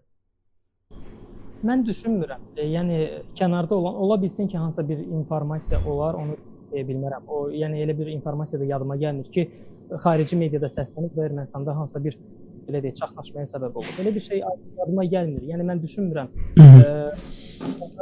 Məsələləri, manipulyasiyaları bu gün Ermənistanda hansısa bir problemə gətirib çıxara bilər və ya Paşinyan üçün ya da başqa bir siyasi qruplaşma üçün ə, təhlükə yarada bilər. Belə bir şey ə, mühit məncə Ermənistanda yoxdur. Okay. Gəl keçək onda ə, yəni bizim ə, növbəti ə, fazasının söhbətimizin ə, müharibədən sonrakı Ermənistan hazırda indi vəziyyət nə yerdədir və daha sonra gələcəkdəki potensial Azərbaycan-Ermənistan münasibətləri haqqında danışa bilərik. Mənə qısaca nə maraqlıdır? Hamı bilir və hətta mən belə deyərdim, Ermənistanı hazırda Azərbaycan Azərbaycanda Ermənistanla bağlı xəbərlər, xəbərlərin izlənmə reytinqi və yaxud da tezliyi hazırda ən yüksək pikdədir. Hamı oxuyur Əlbəttə bunda bizim medianın rolu var. Davamlı olaraq Ermənistanda vəziyyət pisdir, pisdir, pisdir, pisdir, pisdir. Bunu yayırlar ki, əlbəttə yəqin ki, vəziyyət həqiqətən də pisdir.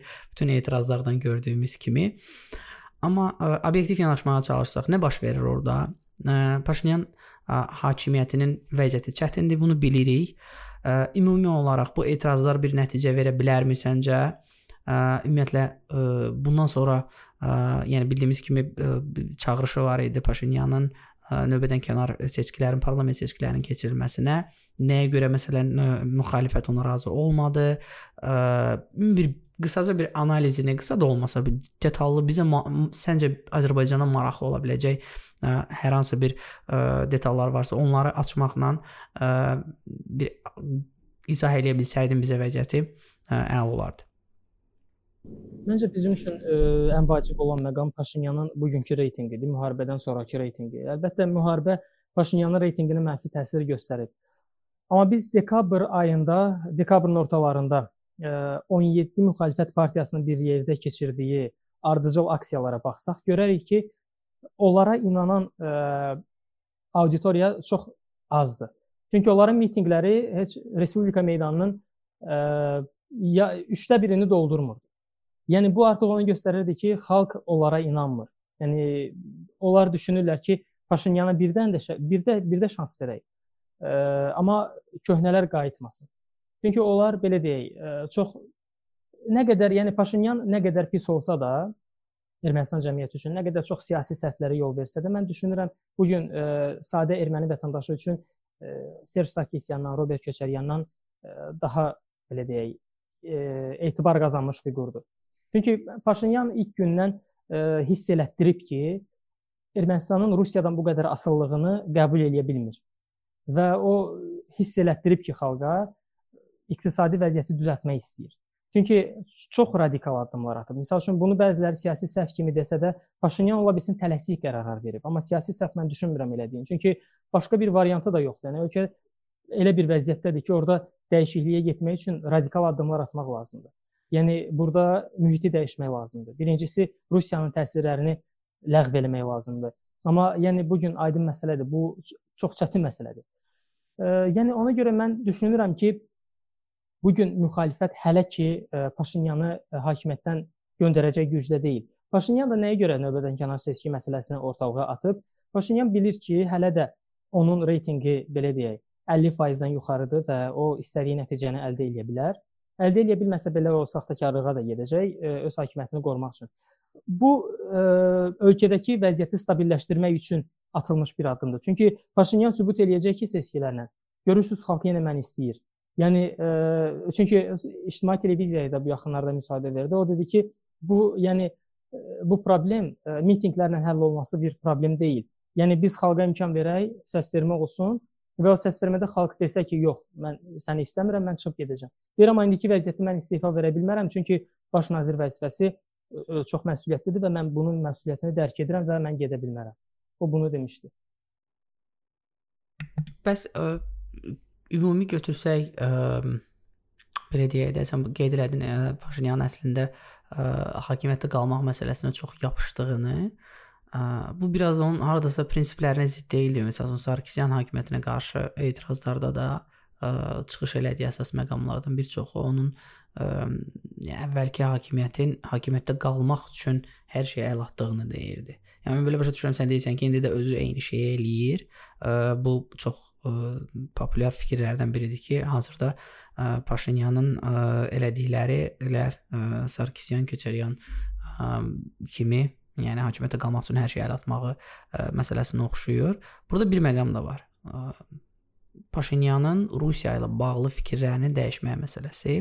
Bayaq qeyd elədiyin yeni il çıxışı var idi ə, e, və həqiqətən çox maraqlı məqam idi ki, onu ə, e, hamı yaymadı, hamı, yəni bəzi müxalif ə, olan media onu yayımlamadı həmin çıxışı. Ə, amma orada maraqlı məqamlardan biri mənim diqqətimi çəkən ə, Rusiya məsələsi idi yəni Ermənistan gələcəyi ilə bağlı fikirlərini səslənəndə, səsləndirəndə o çox aydın şəkildə mesaj verdi ki, biz Rusiya ilə daha da yaxınlaşmalıyıq, xüsusilə hərbi sahədə daha ə, düzgün ə, belə deyək, əməkdaşlıqlar qurmalıyıq və s. və əlaxır. Yəni tonun dəyişdiyini görürük. Bu da belə bir ə, sual yaradır. Sual doğurur ortaya ki, ən populyar ə, konspiroloji nəzəriyyə ə, Kremlin Paşinyandan xoşunun gəlməməyə məsələsi və ə, e, müharibənin ə, e, müharibəyə birbaşa müdaxilə Qarabağ müharibəsindən söhbət gedir etməməyinin də ə, e, birbaşa bununla bağlı olduğunun və Paşinyanı hakimiyyətdən ə, çıxartmaq üçün ə, və yaxud da özünün yenə də əlaltısı vassalı eləmək üçün ə, atılmış bir addım olduğunu ə, deyirdilər. Onda belə çıxır ki, bu həqiqətən də doğru idi. Əgər bu dəyişirsə Paşinyanın ə, siyasi kursu Avropadan ə, Rusiyaya meylənmək məsələsini nəzərdə tuturam. Ə, onda onun seçiciləri olsun, ona ə, dəstək verənlər olsun, ə, onlar nə düşünür? Onların ə, e, yəni populyarlıq məsələsinin azaldığını yəqin ki, hamımız başa düşürük ə, e, Paşinyanın. Amma bundan sonrakı nə ola bilər də? Yəni bu ə, e, bundan sonrakı nə ola bilər qoyun bura. Hazırda ə, Ermənistandakı vəziyyətin ə, nəyə gətirə biləcəyini təxmin etsək. Çünki konsensus yoxdur. Ə, sən bayaq qeyd elədiyin kimi ə, Paşinyan istəyir ki, hakimiyyəti əlində saxlasın. Çox gözəl başa düşür ki, alternativləri yoxdur və yəni ən azından üzdə olan alternativləri ki, hansı ki köhnə müxalifət partiyalarıdır və cəmaət onlara inanmır. Nəyə gətirib çıxarda bilər hazırki vəziyyət? konsensusun olmamağı, xırda para hansısa bir etirazların davam eləməyi və mən yanılmıramsa Paşinyan hakimiyyətinin yəni baş nazir kimi hakimiyyətdə qalmağının ə, hələ bir 2 il var, deyəsən yanılmıramsa. Yoxsa Hı. Deyəsən elə bir şey olmalıdır mən yanılmıramsa və ə, növbədən kənar olmağı da ə, yəni öz öz üstədik. Yəni bundan sonra nə ola bilər? Necə ə, təsəvvür eləyirsən ki, davam eləyəcək? Yaxın müddətdən söhbət gedir. Söhbət 5 ildən yox. Bu il ərzində nələr gözləyə bilər bizi ə, Ermənistan siyasi ə, arenasında? Əslində dəqiq proqnoz vermək indi üçün çox çətindir. Yəni ə, e, bəzi məsələlər var, onlar ə, e, konkretləşməli. Məsəl üçün ə, e, bayaq dedim, Edmond Marukyanın adı çox çəkilir. biz başa düşməliyik o siyasi proseslərin gedişində biz bir müddət sonra başa düşəcəyik Edmond Marukyanı kim dəstəkləyir? Məsələn biz onu hələ ki aydınlaşdıra bilməmişik. Rusiya bunu dəstəkləyirmi? Məsəl üçün bu suala cavab tapmaq lazımdır. Rusiyanın belə deyək, Paşinyanın Rusiyaya qarşı münasibətinin dəyişməsini mən səmimi qəbul eləmirəm və məncə Kreml də bunu səmimi qəbul eləmir. Çünki Paşinyanın münasibəti bəllidir. Sadəcə Paşinyan vaxt qazanır. Yəni o köhnə strategiyaya qayıdır, belə deyək, özündən əvvəlkilərin yanaşmasına qayıdır və müəyyən bir vaxt qazanır. Çünki bilirsiniz, indi elə bütün baxsaq, yəni regionda tam yanaşsaq görərik ki, keçid dövrü yaşayırıq. Yəni həm bizim regionda, həm Rusiya ilə bağlı keçid dövrüdür. Rusiyanın bir çox problemi var. Orta Asiyada problemləri var. Moldovada problemləri var və mən düşünürəm ki, Paşinyan vaxt qazanıb gözləyir ki, Rusiya hansısa bir problemlə üzləşəcək və mən o problemdən istifadə edə biləcəm. Yəni buna görə ə, vaxt qazana bilsə, mən indi görürəm ki, o vaxtı qazana bilib. Ola bilər ki, bilmirəm Kremlə vədləri nədir, təbii ki, bunu mən bilmirəm. Sadəcə, yəni Rusiya münasibətinin dəyişməyinin əsas səbəbi vaxt qazanmaqdır. Bu indi bilmirəm nə qədər özünü doğruldacaq, amma növbədənkənar seçki söhbətini eləyibsə, mən düşünürəm ki, Paşinyanın ə, artıq razılığı belə deyək, əldə olunub Rusiya ilə. Bəs onda belə götürək də, ə, bunun Azərbaycana təsiri nə ola bilər? Yaxın müddətdə bu qeyri-stabil hardasa siyasi vəziyyətin olmağı Ermənistanda necə ola bilər? Yəni bu ə, yəqin ki, üç tərəfli müqaviləyə təsir eləməyəcək. Hər halda ə, Paşinyan fikrini dəyişməsə, Paşinyan hakimiyyətdə qaldığı müddətdə. Ə, amma mən istərdim yavaş-yavaş keçək gələcək məsələsinə. Ə, Azərbaycan ə, Ermənistan münasibətləri, bunların gələcəyi necə ola bilər və bu haqqda hansısa bir xəbərlər varmı Ermənistan mediasında, hər hansı bir analizlər oxumusanmı və ümumiyyətlə özün necə təsəvvür eləyirsən bütün bu bilikləri nəzərə alaraq, bütün səndə olan məlumatları nəzərə alaraq? Vəziyyət Azərbaycan-Ermənistan münasibətlərinin gələcəyi ilə bağlı danışırıqsa, birinci mən, mənim şəxsi fikrimdir. Paşinyanın hakimiyyətdə qalmağı ə, bizə sərf eləyir. Çünki biz onu artıq tanıyırıq başa düşürük ki, bu ə, səhvə meylli insandır. Daim ə, səhvlər eləyir və onun səhvlərini səhvləri də bizə bir çox məqamda ə, kömək eləyib. Müəyyən formada ondan dil tapa bilirik. Çünki bu Qarabağlı deyil. Ə, əvvəldən Qarabağın marağında olmadığını göstərib və əvvəldən göstərib ki, o Türkiyəni Azərbaycanla yaxınlaşmağa maraqlıdır. Sadəcə bunun üçün fürsət olmayıb. Ə, amma biz danışsaq hansısa başqa bir ə, şəxslərdən hansı ki Paşinyanın yerini tut tuta bilər. Mən düşünürəm ə, kim gəlsə də Paşinyandan yaxşı olmayacaq bizim üçün. Çünki biz artıq Paşinyanı dediyim kimi tanıyırıq, o birisinə ə, bələd deyilik. Amma mən üç tərəfli bəyannamənin, bəyanatın pozulacağına inanmıram. Çünki burada Rusiya faktoru var və e, Rusiya bu işə nəzarət eləyir. Mən inanmıram hansısa bir radikal dəyişiklik olsun. Paşinyanla bağlı məsəl üçün bildiyimiz kimi bu gün sərhədin dəqiqləşdirilməsi, demarkasiyası məsələsi gündəmdədir və artıq Zəngilandan başlayıb Kəlbəcərə qədər bu proses davam eləyəcək və bu prosesdə müəyyən problemlər yaranır. Bu problemlər nədən ibarətdir? Məsələn, Zəngilan söhbət Zəngilanla Qafan və ya Mehri rayonlarının sərhədindən gedirsə, həmin rayonların sakinləri gəlib vaxtilə Zəngilan ərazisində ev tikiblər, təsərrüfat yaradıblar və təbii olaraq həmin o təsərrüfatı evi itirmək məcburiyyətində qalıblar bu sərhədin dəqiqləşdirilməsi məsələsində. E, bu yəni bu əslində qanunla da bu cür olmalıdır. Amma buna görə həmin o Sünik vilayətinin vətəndaşları Paşinyanı günahlandırırlar. E, torpağı satmaqda günahlandırırlar. E, vəziyyəti belə deyək, hisslərinə qapılıb Hı. Qapan sakinləri reallığı qəbul etmişdir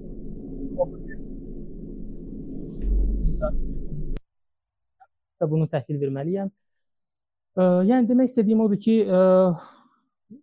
vəziyyət stabilləşəndən sonra Paşinyan hələ də bir müddət qalacaq hakimiyyətdə. Belə bir məsələni də qeyd edeyim mən.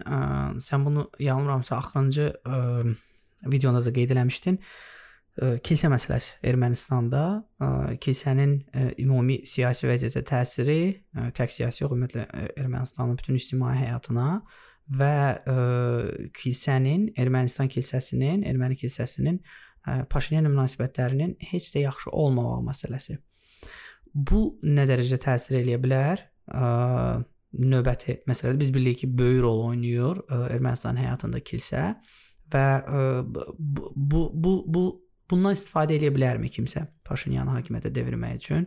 Ə, çünki mən son ə, yəni həm müharibə dövrü olsun, həm də ondan ə, sonrakı dövrdə yavaş-yavaş maraqlanmağa başladığım dövrdə onu başa düşdüm ki, ə, yəni həqiqətən də ə, dindarlıq səviyyəsi, dinə inanmaq və kilsəyə bağlılıq səviyyəsi Ermənistanda olduqca yüksəkdir.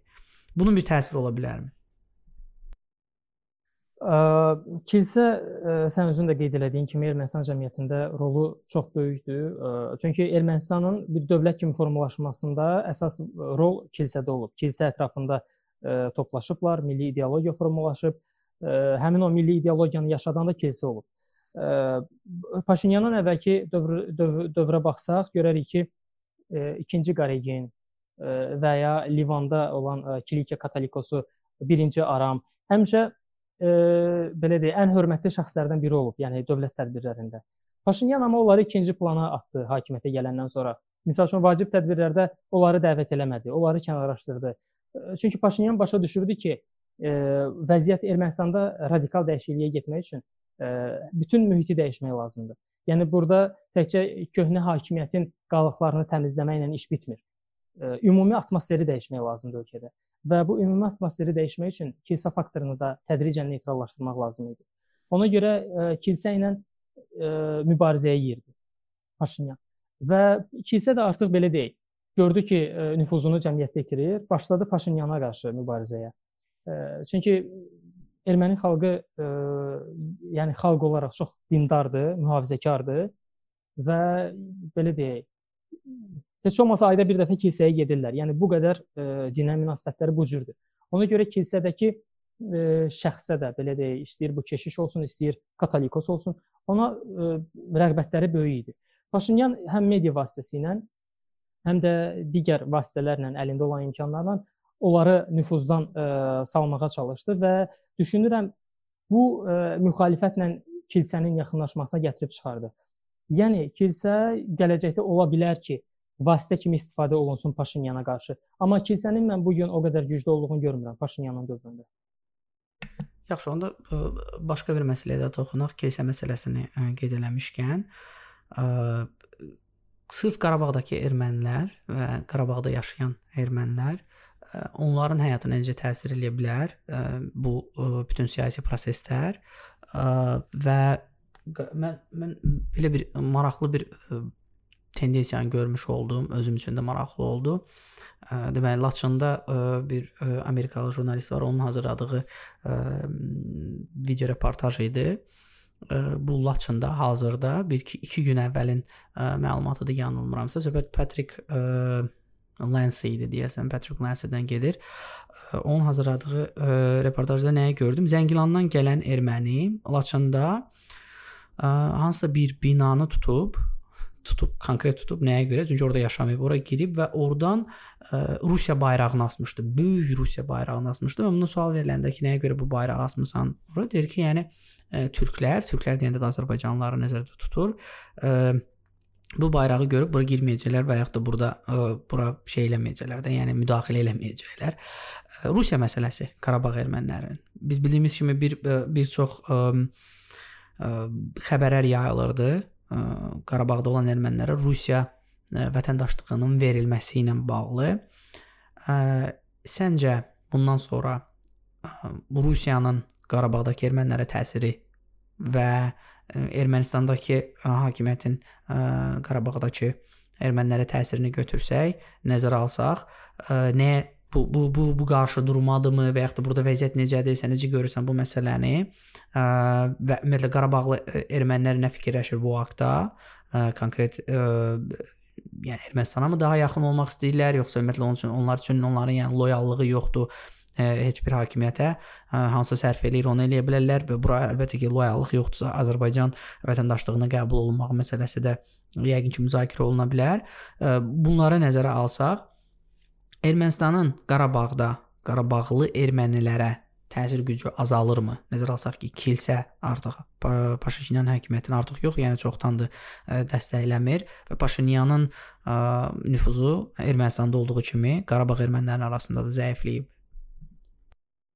Paşinyanın nüfuzu Qarabağ erməniləri arasında müharibədən əvvəl də zəifləyirdi. Çünki Aray Karutunyan dırnaqarası prezident seçilənə qədər Bako Saakyan orada rəhbər idi. Bako Saakyan da köhnə hakimiyyətin qalıqlarından biri idi.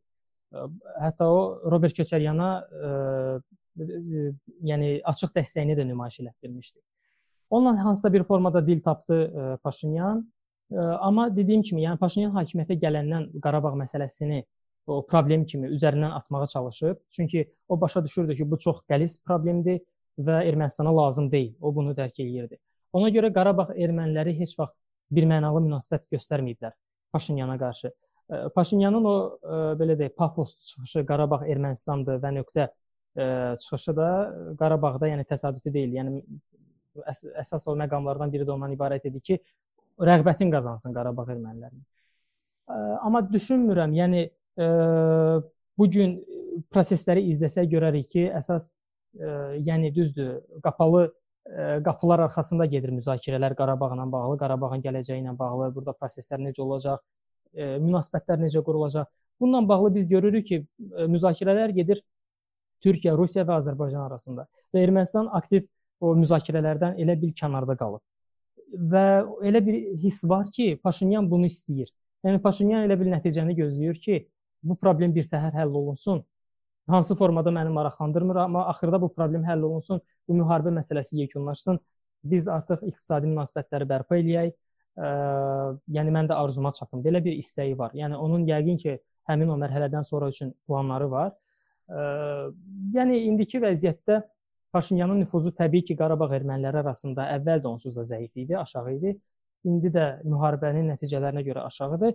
Ümumi əhval-ruhiyyəyə gələndə Rusiya sülh məramları məsələsinə orada əslində təbii ki, ermənilərlə birbaşa əlaqədə olduğuna görə rus sülh məramları hər gün gedib mağazadan nəsə alırlar, onlarla ünsiyyətdədirlər, kontaktdadırlar. Bu onların bəlkə də mehribanlaşmasına gətirib çıxara bilər. Bu əslində təhlükəli bir ə, məsələdir. Amma Rusiya özünü hələ ki xilas xilaskar kimi təqdim eləyir. Necə? Humanitar yardımlar eləyir. Orda infrastrukturu bərpa etmək üçün maliyyə ayırır. Və bu proses düşünürəm bir müddət hələ davam eləyəcək. Amma ə, bu məsələlərə də artıq hansısa bir mərhələdə müdaxilə olunacaq. Yəni belə deyim, müharibə təzə yekunlaşıb, müəyyən proseslər var, onlar yekunlaşmalıdır, səngiməlidir, sakitləşməlidir. Ondan sonra həmin o məsələlər də həllini tapacaq. Qarabağın ə, siyasi məsələsinə qayıdasa olsaq, sırf Qarabağdakı məsələdən söhbət gedirsə, mən bildiyim qədərilə hazırda təhlükəsizlik şurası yaradılıb orada və ordu da birbaşa onun ə, yəni tərkibindədir və yeni ordunun yenidən qurulması məsələsini müzakirə eləyirlər. Ondan sonra torpaqların qaytarılması məsələsini müzakirə eləyirlər və s. Mən istərdim biraz o haqqda danışaq. Yəni bu haqqda əgər məlumatlısansa, sırf Qarabağdakı ermənilərin siyasi fiqurları kimdir? Orada əsas yəni nələr ola bilər, orada hansısa bir tendensiyalar varsa, onlar haqqında danışsaq, biz hamımız o ə, qondarma prezidenti Arayiki tanıyırıq, amma o yeganə fiqur deyil, baxmayaraq ki, əsas biznesmen və pulu olan ə, Qarabağlı olduğuna görə ə, həm də prezident ə, seçilmişdi orada. Ə, indiki ə, təhlükəsizlik şurasının ə, sədri hansı rol oynaya bilər, başçısı nəyi həll edə bilər ə, və bundan sonra ümumiyyətlə Qarabağın daxilindəki adamlar özünü necə aparacaq səncə? Əslində Qarabağın daxilində baş verən siyasi proseslər, yəni bu müharibədən əvvəlki ilə fərqlənmir. Nəyə görə? Yenə belə deyək, öz aralarında bir oyun oynayırlar da. Yəni bunların əslində idarəçiliyi, təyin elədiyi adamlar, hansısa bir struktur dəyişikliyi, bunlar onsuz da Ermənistan özü tərəfindən də tanınmır deyə bu hansısa bir oyun təsiri bağışlayır. Sən dediyin o şuranın katibi də Vitali Balasanyan təyin olundu. Vitali Balasanyan özü çox maraqlı fiqurdur. O da 1-ci Qarabağ müharibəsində ə, fəal iştirak edənlərdən və dırnaqarası Artsakın milli qəhrəmanlarından biridir. Ə, Xocalı soyqırımının əsas ə, təşkilatçılarından hesab olunur. Ə, Vitali Balasanyan nəyə görə maraqlı fiqurdur? Paşinyan hakimiyyətə gələn gündən Vitali Balasanyan onu təhqir eləməklə məşğuldur. Yəni hər fürsətdə ona qarşı çox kəskin çıxışlar edir, bəzən təhqirdən də qaçmır. Onun özünün də siyasi partiyası var. Bundan əvvəlki prezident seçkilərində Bako Saakyana məğlub olmuşdu, ikinci yeri tutmuşdu və axırıncı prezident seçkilərində də namizədliyini vermişdi, üçüncü yeri tutmuşdu. Aray Karutunyan, Masis İsmailyan və üçüncü yerdə Vitali Balasanyan idi. Maraqlıdır ki, Aray Karutunyan onu təyin elədi. Çünki mən belə düşünürdüm Aray Karutunyanla onun münasibətləri qaydasında deyil və mənim bu fikrim özüm bir neçə gün sonra təsdiqini tapdı o təyinat olandan. Bir neçə gün əvvəl mən xəbər oxudum ki, Vitali Balasanyan Aray Karutunyan hökumətinin dırnaqarası hökumətinin istefasını tələb edir və düşünür ki, Qarabağa o rəhbərlik eləyə bilməz. Yəni orada da daxili çəkişmələr başlayıb və bu daxili çəkişmələr çox maraqlı ssenari ilə davam eləyir. Yəni Aray Karutunyan bir nəfəri gətirir, hansısa bir vəzifəyə təyin edir və o buna qarşı çıxmağa başlayır. Aray Karutunyanın müharibədən sonra Moskvaya gizli səfərləri var. Bu səfərlərin hansı məqsəd daşıdığı dəqiq bilinmir. Yəni mən düşünürəm ə, düzdür. Orda yəni nə qədər siyasi oyun olsa da hər halda biz ə, diqqətdən qaçırmamalıyıq orada baş verən prosesləri də. Ə, çox yəni nə qədər əhəmiyyətsiz olsa da biz yenə də müəyyən bir diqqətimizi orada saxlamalıyıq. Çünki Qarabağda olan o həmin o proseslər də çəkişmələr, ə, önə çıxan fiqurlar bunlar da yəni təbii ki, bizə lazımdır. Yəni bu gün düşünürəm orada da ə, siyasi sferada xaos vəziyyəti hökm sürür. Ə, müəyyən bir vaxt lazımdır ki, orada da belə deyək, daşlar yerinə otursun. Onda belə bir sual da yaranır. Əgər bu bu bu problemləri olan və Ermənistanla Ermənistandakı hakimiyyətlə yaxşı münasibəti olmayan və daxilində də problemlər, o qədər problem var ki, yəni problem bir cümlədə 5 dənə problem sözünü istifadə elədim. Yəni onların ə, Rusiya ilə münasibəti necə ola bilər? Səncə ə, Rusiya onlardan ə, marionet ə, siyasətçilər kimi istifadə edə bilərmi? Çünki Moskvaya sən də bayaq qeyd elədiyin kimi bunların tez-tez səfərləri olur, yoxsa elə həqiqətən də ə, Moskvadakı diasporanın və ya da birbaşa Kremlin ə, bu adamların oradakı yer dəyişmələrində də ə, yəni rolu var, belə deyək. Nə ola bilər? Moskva, Moskva deyəndə mən Moskvadakı, yəni Rusiyadakı erməniləri, birbaşa erməniləri və ə, həmçinin ə, Kremli, yəni Rusiya hakimiyyəti nəzərdə tuturam. Mən düşünmürəm ki, Aray Kartunyan orada ə, Kremlə gedib və orada hansısa bir siyasi fiqurla görüşüb. O yəqin ki, diasporadan olan tanışları ilə görüşüb. Onun üçün maraqlıdır. Bundan sonrakı belə deyək, prosesləri nəzarətdə saxlamaq üçün təbii ki, güclü dəstəyə ehtiyacı var, kənardan da dəstəyə ehtiyacı var onun üçün. Amma mən düşünürəm ümumi biz prosesə baxsaq heç onlara ehtiyac qalmayacaq. Yəni mən dediyim kimi orada sadəcə oyun davam eləyir. Yəni dövlətçilik oyunu davam eləyir və bu da artıq həllini tapmaq üzrədir. Sadəcə müəyyən məsələlərin həll olunması lazımdır. Yəni artıq Azərbaycan prezidenti də e, yəni dedi ki, artıq bu Ermənistan-Azərbaycan Dağlıq Qarabağ münaqişəsi artıq həll olunub, tarixə qovuşub. Əslində bu özü də bir mesajdır. Yəni artıq münaqişə yoxdur. Sadəcə həllini gözləyən bəzi məsələlər var. Bu xırda məsələlərdir. Və bu xırda məsələlərdə ki, mən düşünmürəm ə, e, hansısa bir separatçı həll, ə, e, yəni onun həllində iştirak eləsin. Çünki bu heç bir hüquqi əsası olmayan bir şəxsdir. Ə, e, və bu qəbul olunan ə, hüquqi belə deyək cəhətdən ə, hansısa bir qərar vermək hüququ olan ə, şəxsin verdiyi, ə, qəbul elədiyi qaydalara tabe olmalıdır. Yəni başqa bir variantı yoxdur. Ona görə də sadəcə bu hazırda gedən proseslərdə bu dövlətçilik oyunu bir müddət də ola bilsin davam eləsin. Ancaq bu proseslərin də həlli təbii ki, yaxındır. Yəni mən elə düşünürəm. Burada suallar da verilir onunla bağlı. Amma hər halda mən istəyərdim biz bu məsələyə də toxunaq. De facto bunu qəbul etmək lazımdır ki, keçmiş qondarma Qarabağ Respublikasının hələ də fəaliyyəti davam eləyir de facto. De jure bu əlbəttə heç vaxt olmayıb və son müharibədən sonra isə belə deyək status məsələsi ümumiyyətlə aradan götürülüb. Amma de facto bu davam eləyir. Öz oyuncaq dövlətləri də olsa, biz bunu görürük. Həm Rus məlamlarının yəni görüşlərində o bayraqlarını yerləşdirməyi tortun üstünə, nə bilim, hər hansının üstünə, maşının üstünə və yaxud da və s. Həm bu, həm bayaq danışdığımız təhlükəsizlik şurasının məsələsi, ondan sonra orada olan fiqurların yer dəyişmə məsələsi, onların o absurd, bizə absurd görünən açıqlamaları olsun. Xocalı, Xocavənd, yəni bu ərazilərə də Xankəndin özü olsun. Taleyi necə ola bilər? Səncə bu proseslərdə ə, növbəti illərdə davam edəcək proseslərdə ə, həmin siyasi fiqurlar hazırda özünü ə, prezident və yaxud da nə bilim nazir adlandıran fiqurların taleyi necə ola bilər? Ə, onları nə gözləyir? Çünki biz bildiyimiz kimi Arayik ə, Azərbaycanda ə, axtarılan ə, insanlar siyahısındadır və ə, cinayət məsuliyyətinə cəlb olunmaq üçün hətta Interpola belə verilib, mən bildiyim qədərilə. Ə, yəni bu insanların taleyi necə olacaq?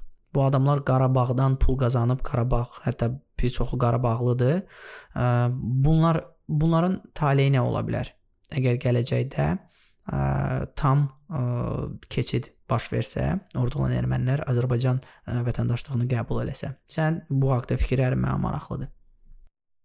Düzünü desəm, yəni qəlizdir bu mövzuda konkret nəsə demək, yəni nəticəni indidən proqnozlaşdırmaq, amma yəni mən düşünürəm bu məsələ onsuz da həllini tapacaq. Yəni həllini tapıb sadəcə ə, belə deyək, müəyyən məsələlərin ə, həllini tapması üçün də müəyyən bir proseslərin reallaşması lazımdır. Yəni birdən-birə nə isə eləmək olmur. Yəni fikrimi belə izah edeyim. O ki qaldı bu bütün proseslər yekunlaşandan sonra ə, hansı şəxs haqqında ə, axtarış verilibsə ə, və ya baş prokurorluq tərəfindən onlara qarşı cinayət işi açılıbsa, yəni təbii ki, onlar cinayət məsuliyyətinə cəlb olunmalıdırlar. Amma mən düşünürəm ki, artıq proseslər ora gedəndə, həmin məqama gedəndə həmin şəxslər qaçacaqlar. Çünki müharibənin son günlərində maraqlı bir məqam yaşanmışdı.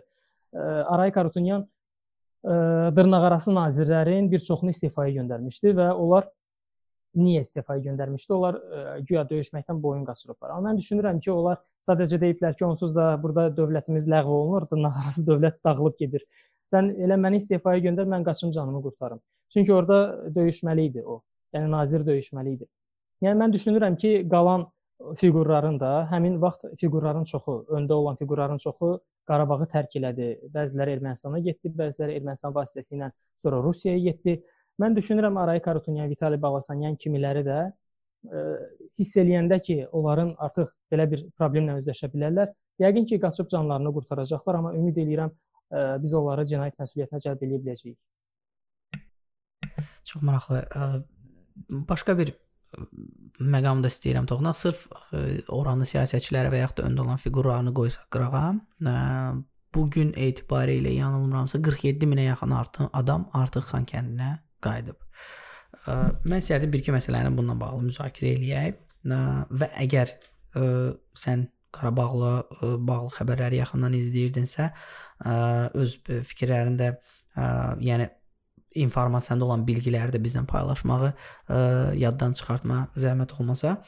Ə, deməli bu qədər 47 min adam qayıdıb artıq. Mən bildiyim qədərilə müharibədən qabaq orada hardasa 90 minə yaxın adam yaşayırdı. Ə, rəsmi rəqəmlərdə hər halda 90 min, 150 min arası deyəsən göstərilirdi. Ə, amma faktiki olaraq nə qədər adam yaşayırdı onu ə, təbii ki, dəqiq bilməyə bilərik. Birinci məsələ 47 min adam qayıdıb Xankəndiyə. Bu adamların taleyi necə ola bilər? Səncə necə təsəvvür eləyirsən? Çünki burada həmin bölgənin işıq, qaz məsələləri var.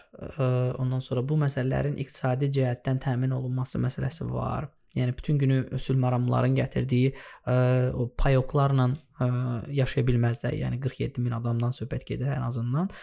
Ə, və daxili iqtisadi bir ə, tarazlığın olmadığı bir yerdir. Bunu çox yaxşı bilirik. Bu məsələlər var.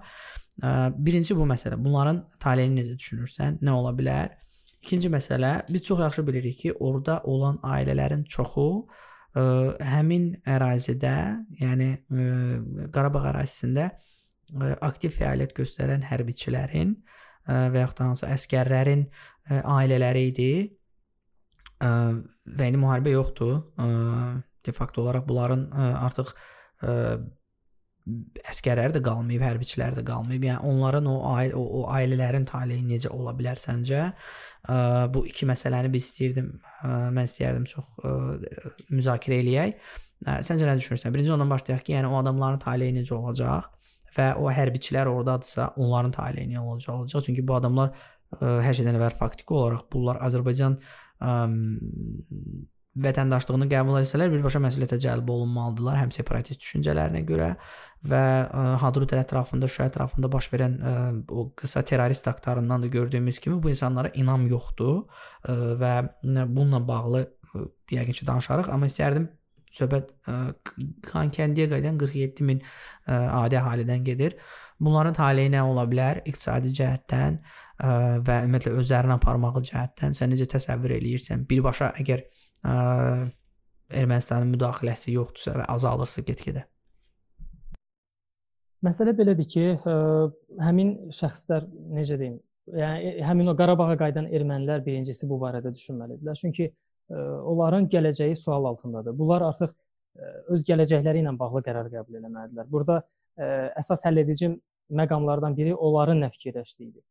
Mən ə, hazırda olan həmin o Qarabağla bağlı ermənilərin Xan kəndinə qayıtması və s. digər xəbərləri mən də izləyirəm və onların yanaşmasından belə başa düşürəm ki, onlar bizlə bir yerdə yaşamağı düşünmürlər. Mən iki qrupa ayırıram həmin erməniləri. Bəziləri gəliblər, evlərin əllərində olan nə varsa, onları satıb canlarını qurtarıb təzədən qayıtmaq istəyirlər Ermənistana, özlərinə yeni bir həyat qurmaq istəyirlər. Çünki bizə etibar eləmirlər və düşünürlər ki, biz ə, əlimizə fürsət düşən kimi onları öldürəcəyik Digər ermənilər də ə, düşünürlər ki, yox mən qayıtmalıyam, amma ə, mən ə, türklərlə bir yerdə yaşaya bilmərəm. Təəssüf ki, onların təfəkküründə və bizə yanaşmasında mən dəyişiklik hiss eləmirəm. Halbuki Azərbaycan hökuməti həm hakimiyyət səviyyəsində, həm ə, müharibənin gedişində, həm müharibədən sonra bu istəyir ə, prezident olsun, istəyir xarici işlər naziri olsun, istəyir prezidentin köməkçisi Hikmət Hacıyev dəfələrlə dedi ki, biz ə, təminat veririk ki, orada yaşayan ermənilər üçün heç bir ə, e, problem olmayacaq. Yəni bir, e, mən düşünmürəm ki, yəni düzdür, burada ə, e, təbii ki, çox çətindir. Yəni ə, iki xalq arasında buzları əritmək çətin görünür. Amma bunun üçün hansısa bir addımlar atılmalıdır. Və bu addımların atılmağında da mən düşünürəm hökumətlər nəsə eləməlidir. Məsəl üçün bu gün Ermənistan cəmiyyətində mən dünən bir paylaşım elədim. Təzə bir kitab çap olunub Şimali Artsaq adında. Yəni bu yəni bu ideologiyaların hər gün yeni bir ideologiya doğulur bu cür. Yəni bu ideologiyalarla biz bu problemi həll edə bilmərik. Sadəcə düşünmək lazımdır ki, biz qonşuyuq və onların sayı hər halda 2 milyondan bir qədər çoxdur, bizim sayımız 10 milyon.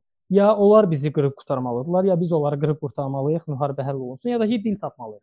Yəni burada sadəcə başa düşmək lazımdır ki, bu problem nə onlara, nə bizə Sən necə görürsən ümumiyyətlə, yəni bu sülh prosesini? Yəni necə ə, təsəvvür eləyirsən? Sırf bu, bütün bu ə, xəbərləri nəzərə alsaq, indiyə qədər müzakirə etdiklərimizi nəzərə alsaq, görünən odur ki, ə, populyar ideyaya heç kim, ə, populyar olmayan, belə deyək, ə, siyasi kursa heç kim getməyəcək. Ə, nə Paşinyan olsun, nə Qarabağdakı o ə, adamlar olsun. Ə, və necə necə inkişaf eləyə bilər səncə? Yəni bütün mən bilirəm ki, sən tarixlə də çox yaxından maraqlansan. Azərbaycan tarixi olsun, Azərbaycan ə, yəni siyasi məsələsini də Azərbaycanda nə yerdədir bilirsən, Ermənistanda da ə, ən azından ə, hazırda məndən daha yaxşı bilirsən. Ə, necə görürsən, necə inkişaf eləyə bilər? Sülh necə yarana bilər? Ə, və hansı formada ə, səncə bu çıxış bu bu ə, düyündən belə deyək, ə, çıxış yolu tapıla bilər? Paşinyan hakimiyyətə gəlməyindən qısa müddət sonra maraqlı bir ə, deyim ortaya çıxmışdı. Xalqların sülh prosesinə hazırlanması. Əslində bu maraqlı bir tendensiya idi. Yəni biz onu qısa müddət də olsa mediada da müşahidə edə bildik. Amma sonradan artıq o Paşinyanın fərqli çıxışları bu prosesi ləngitdi, yəni dayandırdı. Mən düşünürəm bundan sonrakı proseslərdə iki xalq arasında münasibətlər birinci dövlətlərin siyasi arenada dil tapması ilə həllini tapa bilər. Bu necə ola bilər? Mən gözləyirəm Naxçıvana olan dəhlizin açılmağını. Mən həmin o dəhlizdən çox şey gözləyirəm və düşünürəm Qarabağın qalan o xırda problemləri də həmin o məsələ ilə həllini tapacaq. Bu necə ola bilər? Həmin o dəhliz bildiyimiz kimi region üçün çox əhəmiyyətlidir və Rusiya da həmin dəhlizdə maraqlıdır. Çünki böyük nəqliyyat layihələri var və bu nəqliyyat layihələrinin həyata keçməyində Rusiya da maraqlıdır. Çünki bir misal deyim, Rusiyanın bu dəqiqə Ermənistana daşıdığı yüklər quru yolu ilə daşıdığı yüklər Lars keçid məntəqəsindən keçir Gürcüstandan. O da çox qəliz yollardır. Qışda işləmir, qar yağır, donur yollar, işləmir. Yəni o yol e, belə deyək, artıq payız fəslinin axırlarından yaz fəslinin sonlarına qədər çox çətin bir vəziyyət yaranır orada. Ona görə Rusiya maraqlıdır ki, məsəl üçün Türkiyəyə gedən yüklərini gələcəkdə yaranacaq, açılacaq Naxçıvan dəhlizi ilə daşısın. Bu həqiqətən bu cür olsa, Rusiya da buna razılığını versə və marağının arxasında axıra qədər qalsa, bu regionda proseslərin daha sürətlə həllini problemlərin daha sürətlə həllini tapmağına kömək edə bilər. Birinci növbədə Rusiya artıq belə deyək, qarşılıqlı asıllıq yaranacaq hansısa bir layihədə və Rusiya da bizim bir çox istəyimizi yerinə yetirəcək. Yəni məcbur olacaq buna. Yəni indiyə kimi də bəzi məsələlərdə bunu eləyib və bundan sonra da hər halda mən düşünmürəm ki, Rusiya bəzi məsələlərdə radikal mövqe sərgiləsin. Hər halda dediyim kimi bu gün regionda siyasi məsələlər artıq dəyişməkdədir. Təzə aktyorlar ortaya çıxır, təzə ə, qüvvələr, güclər ortaya çıxır və Amerikanın yeni seçilən prezidenti Joe Bidenin də mövqeyi çox maraqlıdır Rusiyaya qarşı. O artıq ə, fəaliyyətə başlamamışdan əvvəl deyibdi ki, mənim hədəflərimdən biri Rusiyadır və Rusiya da başa düşür ki, Amerikanın potensial təhlükəsinə qarşı Türkiyə, İran və digər region gücləri ilə bu bir yerdə mübarizə aparmalıdır. Çünki Türkiyəni əldən versə, Türkiyə gedəcək Amerika ilə yaxınlıq eləməyə başlayacaq. Çünki Ərdoğan da bunun siqnalını vermişdi. Demişdi ki, mənim Joe Bidenlə çox yaxşı münasibətlərim var. Ona görə mən düşünürəm Naxçıvan dəhlizi Rusiya üçün də maraqlı olacaq və Rusiya üçün maraqlı olsa, artıq Ermənistan da bu prosesə qoşulacaq. Ermənistan həmin prosesdə iştirak eləsə, mən düşünürəm digər qalan məsələlər də həllini tapacaq və Ermənistanın həmin prosesdə iştirakı mən tezliklə arzulayıram nəyə görə? Çünki Ermənistan prosesdə iştirak eləsə, e, Azərbaycanla Türkiyə arasında tranzit olacaq və biz ehtiyac yarandıqda həmin o fürsətdən istifadə eləyib Ermənistanın qərarlarına müdaxilə edə biləcəyik mən düşünürəm ki. Maraqlıdır əslində. Ə, yəni Qarabağ məsələsinin ə, Qarabağ məsələsində tək Azərbaycan və Ermənistanın yox, ə, bu qədər ə, hegemon dövlətlərin belə ə, marağının olmağı yəqin ki, bu məsələnin bu qədər problemli və başı bəlalı olmağının səbəblərindən biri də elə odur. Mən istəyərdim başqa bir məqam da toxuna. Biz burada Naxçıvandan Naxçıvana gedən Zəngəzurdan keçəcək yoldan söhbət elədik və mən bildiyim qədərilə axırıncı məlumat o idi ki, 2 il ərzində Zəngəzura qədər yol çəkiləcək, dəmir yolundan söhbət gedir. Ondan sonra da yəqin ki, artıq Zəngəzur ərazisindən keçəcək yolun fəaliyyətinə, inşasına ən azından başlanılacaq və yaxud da bilmirəm necə gedəcək o məsələlər, amma hər halda bu söhbət gedir.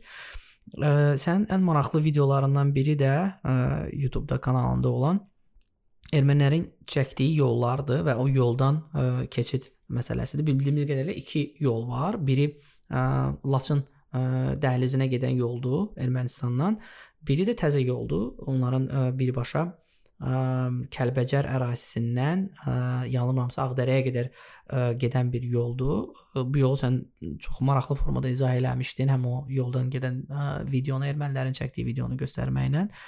Artıq Kəlbəcərdən gedən yol istifadədən dayanır. Laçın koridoru bağlanacaq. 3 il ərzində yeni bir yol çəkilməlidir. Hələ də bilinmir hardandır. Əlbəttə bu da bir maraqlı məqamdır. Amma görünən odur ki, ə, Ermənistanın dövlət kimi Qarabağla ə, yolları kəsilir.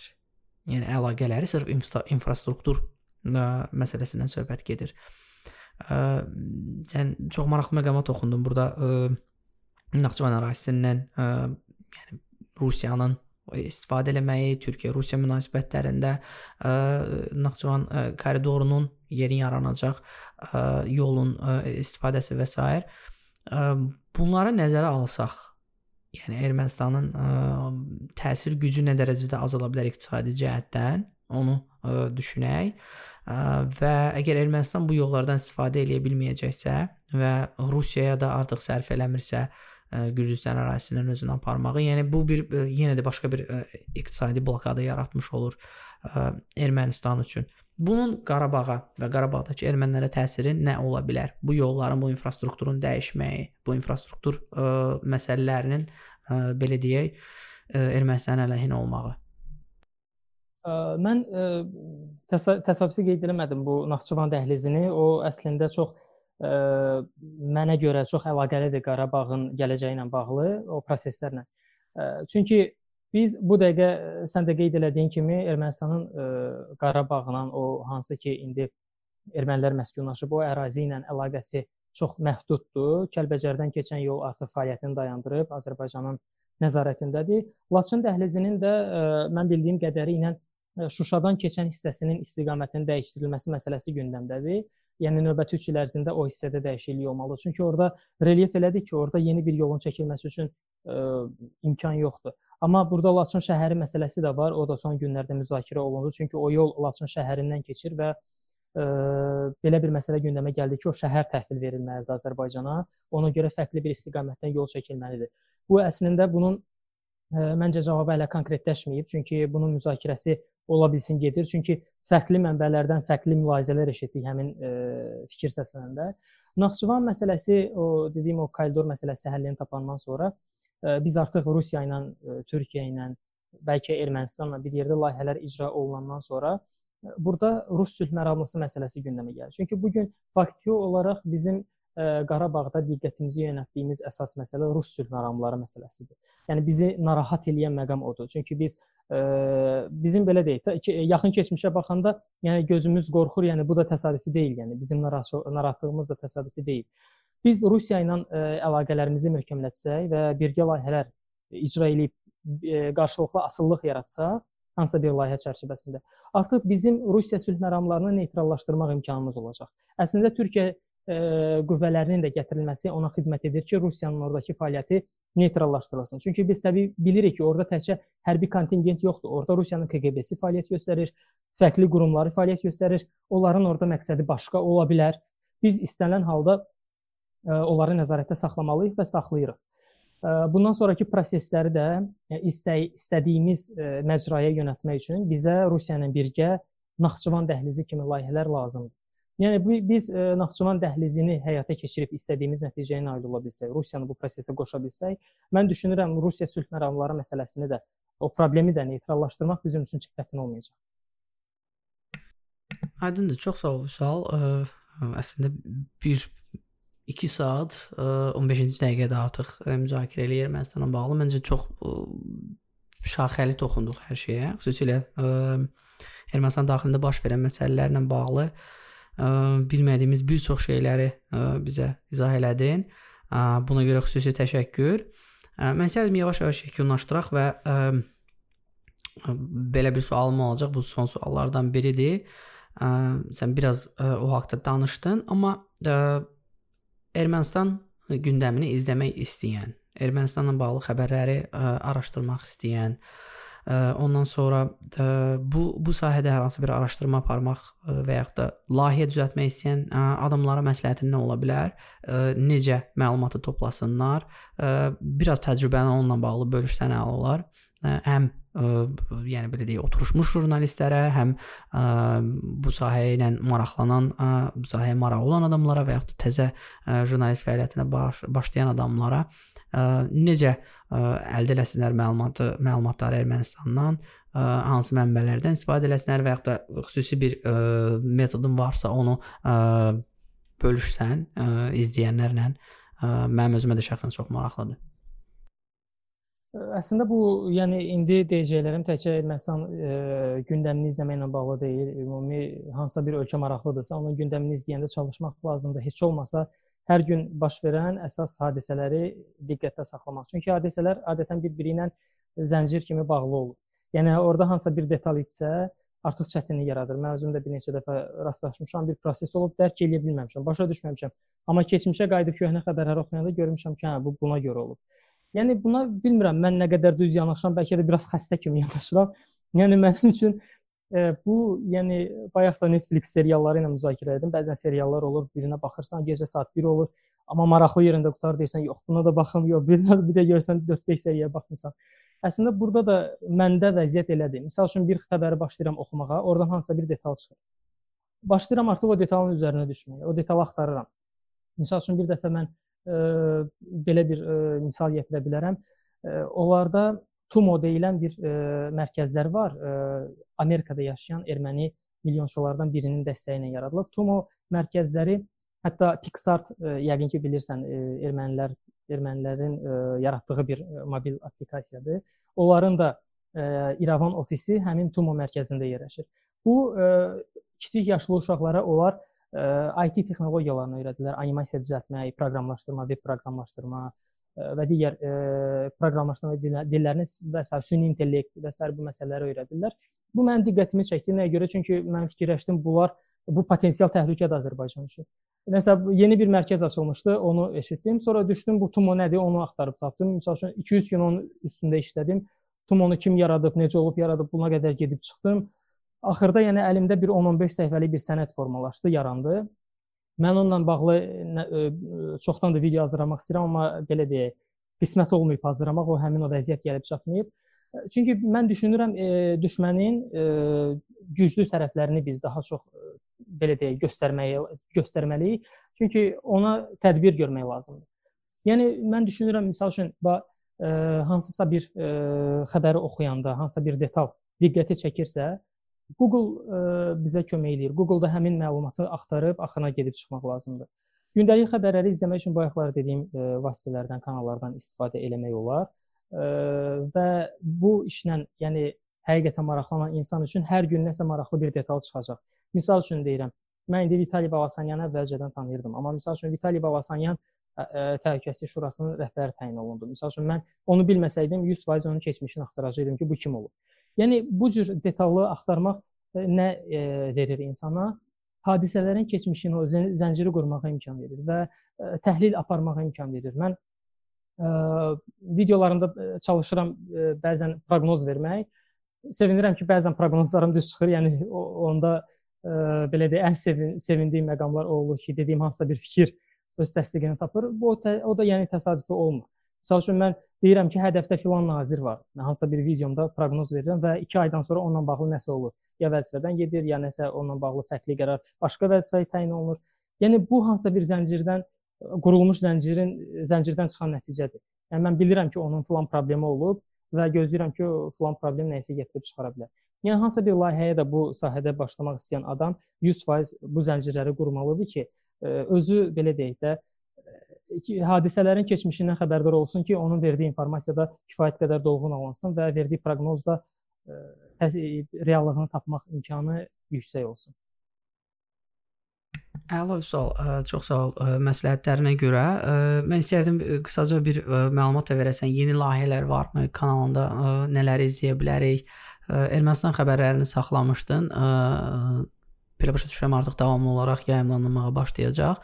E, ümumiyyətlə onu qeyd edim ki, Vüsalın kanalına mütləq abunə olun. E, linki əlavə eləyəcəm e, description hissəsində. Oradan linkə daxil olaraq əlavə ola bilərsiniz. Artıq 100 mindən çox adam abunə olub Vüsalın kanalına. Siz də ondan biri olun. Davamlı olaraq izləyin. Çox maraqlı məqam. Sırf Ermənistan xəbərlərinə görə yox, həm də Azərbaycanın Ermənistandakı ə, ə, belə deyək, mədəni irsi ilə bağlı da ə, çox yaxşı araşdırmalar var. Vüsalın ümumiyyətlə Vüsalı qulaq həmişə maraqlıdır. Ona görə 100% abunə olun, onu ə, demək istəyirdim. Ə, hər hansı bir yeniliklər varmı? Təzə bir ə, layihələr düşünürsənmi? Ə, 2020 biraz çətin oldu hamı üçün, amma 2020 ilə 2021 ilə bağlı ə, kanalla bağlı planların varsa qısaca onun da haqqında da danışaq və yekunlaşdıraq. Qeyd etdiyim kimi Ermənistan xəbərlərinə yaxın vaxtlarda, yəqin ki, növbəti həftədən artıq qaldığımız yerdən davam eləyəcəyik. O həftəlik yayımlayacağıq. Ondan əlavə yenə gündəmdə olan mövzulara əvvəlki qaydada müraciət eləyəcəyik. Mənim planlarım əslində çoxdan var.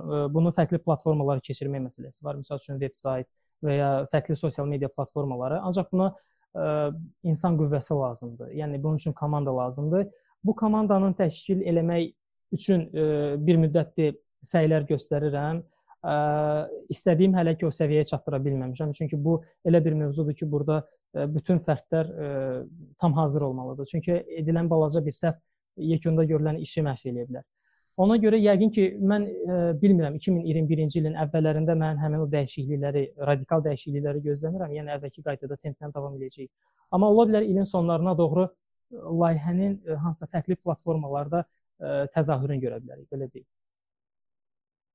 Çox gözəl. Ə, suallara cavab verə bilməyəcəyik. Çox təəssüf ki, mən çox istəyirdim əslində ə, ə, bizim bu yayımlarda mən bizim deyə də mənim yayımlarımda ə, sual necəsə inteqrasiya edə bilər izləyiciləri.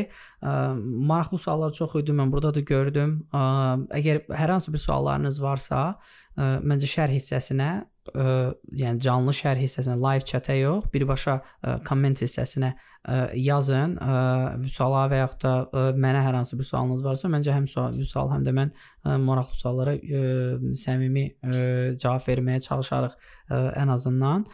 Ə, belə, yəni ə, yayın bu qədər. Ə, Vüsal çox sağ ol ə, ki, gəldin. Ə, dediyim kimi, yəni öz fikrini bölüşməyin ə, bizim üçün çox önəmli idi. Hər hansı bir son sualın yoxdursa, yavaş-yavaş yekunlaşdıraq yəni.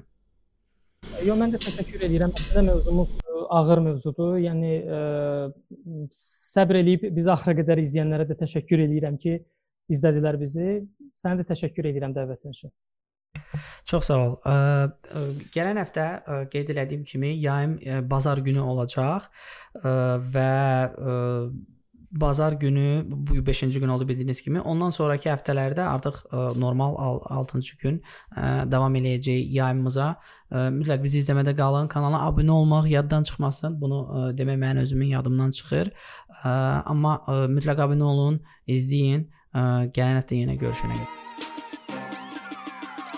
Onun başı çıxar azmaz çox Qarşı çıxaq az ya yox Geç geç comment az yaz vok Herkes susar Azya yok Azya yok Azya yok Bugün kritik Azya kork Herkes susar Azya yok Azya yok Azya yok Azya yok Azya yok Bugün kritik Bugün kritik Azya kork Bugün kritik Azya kork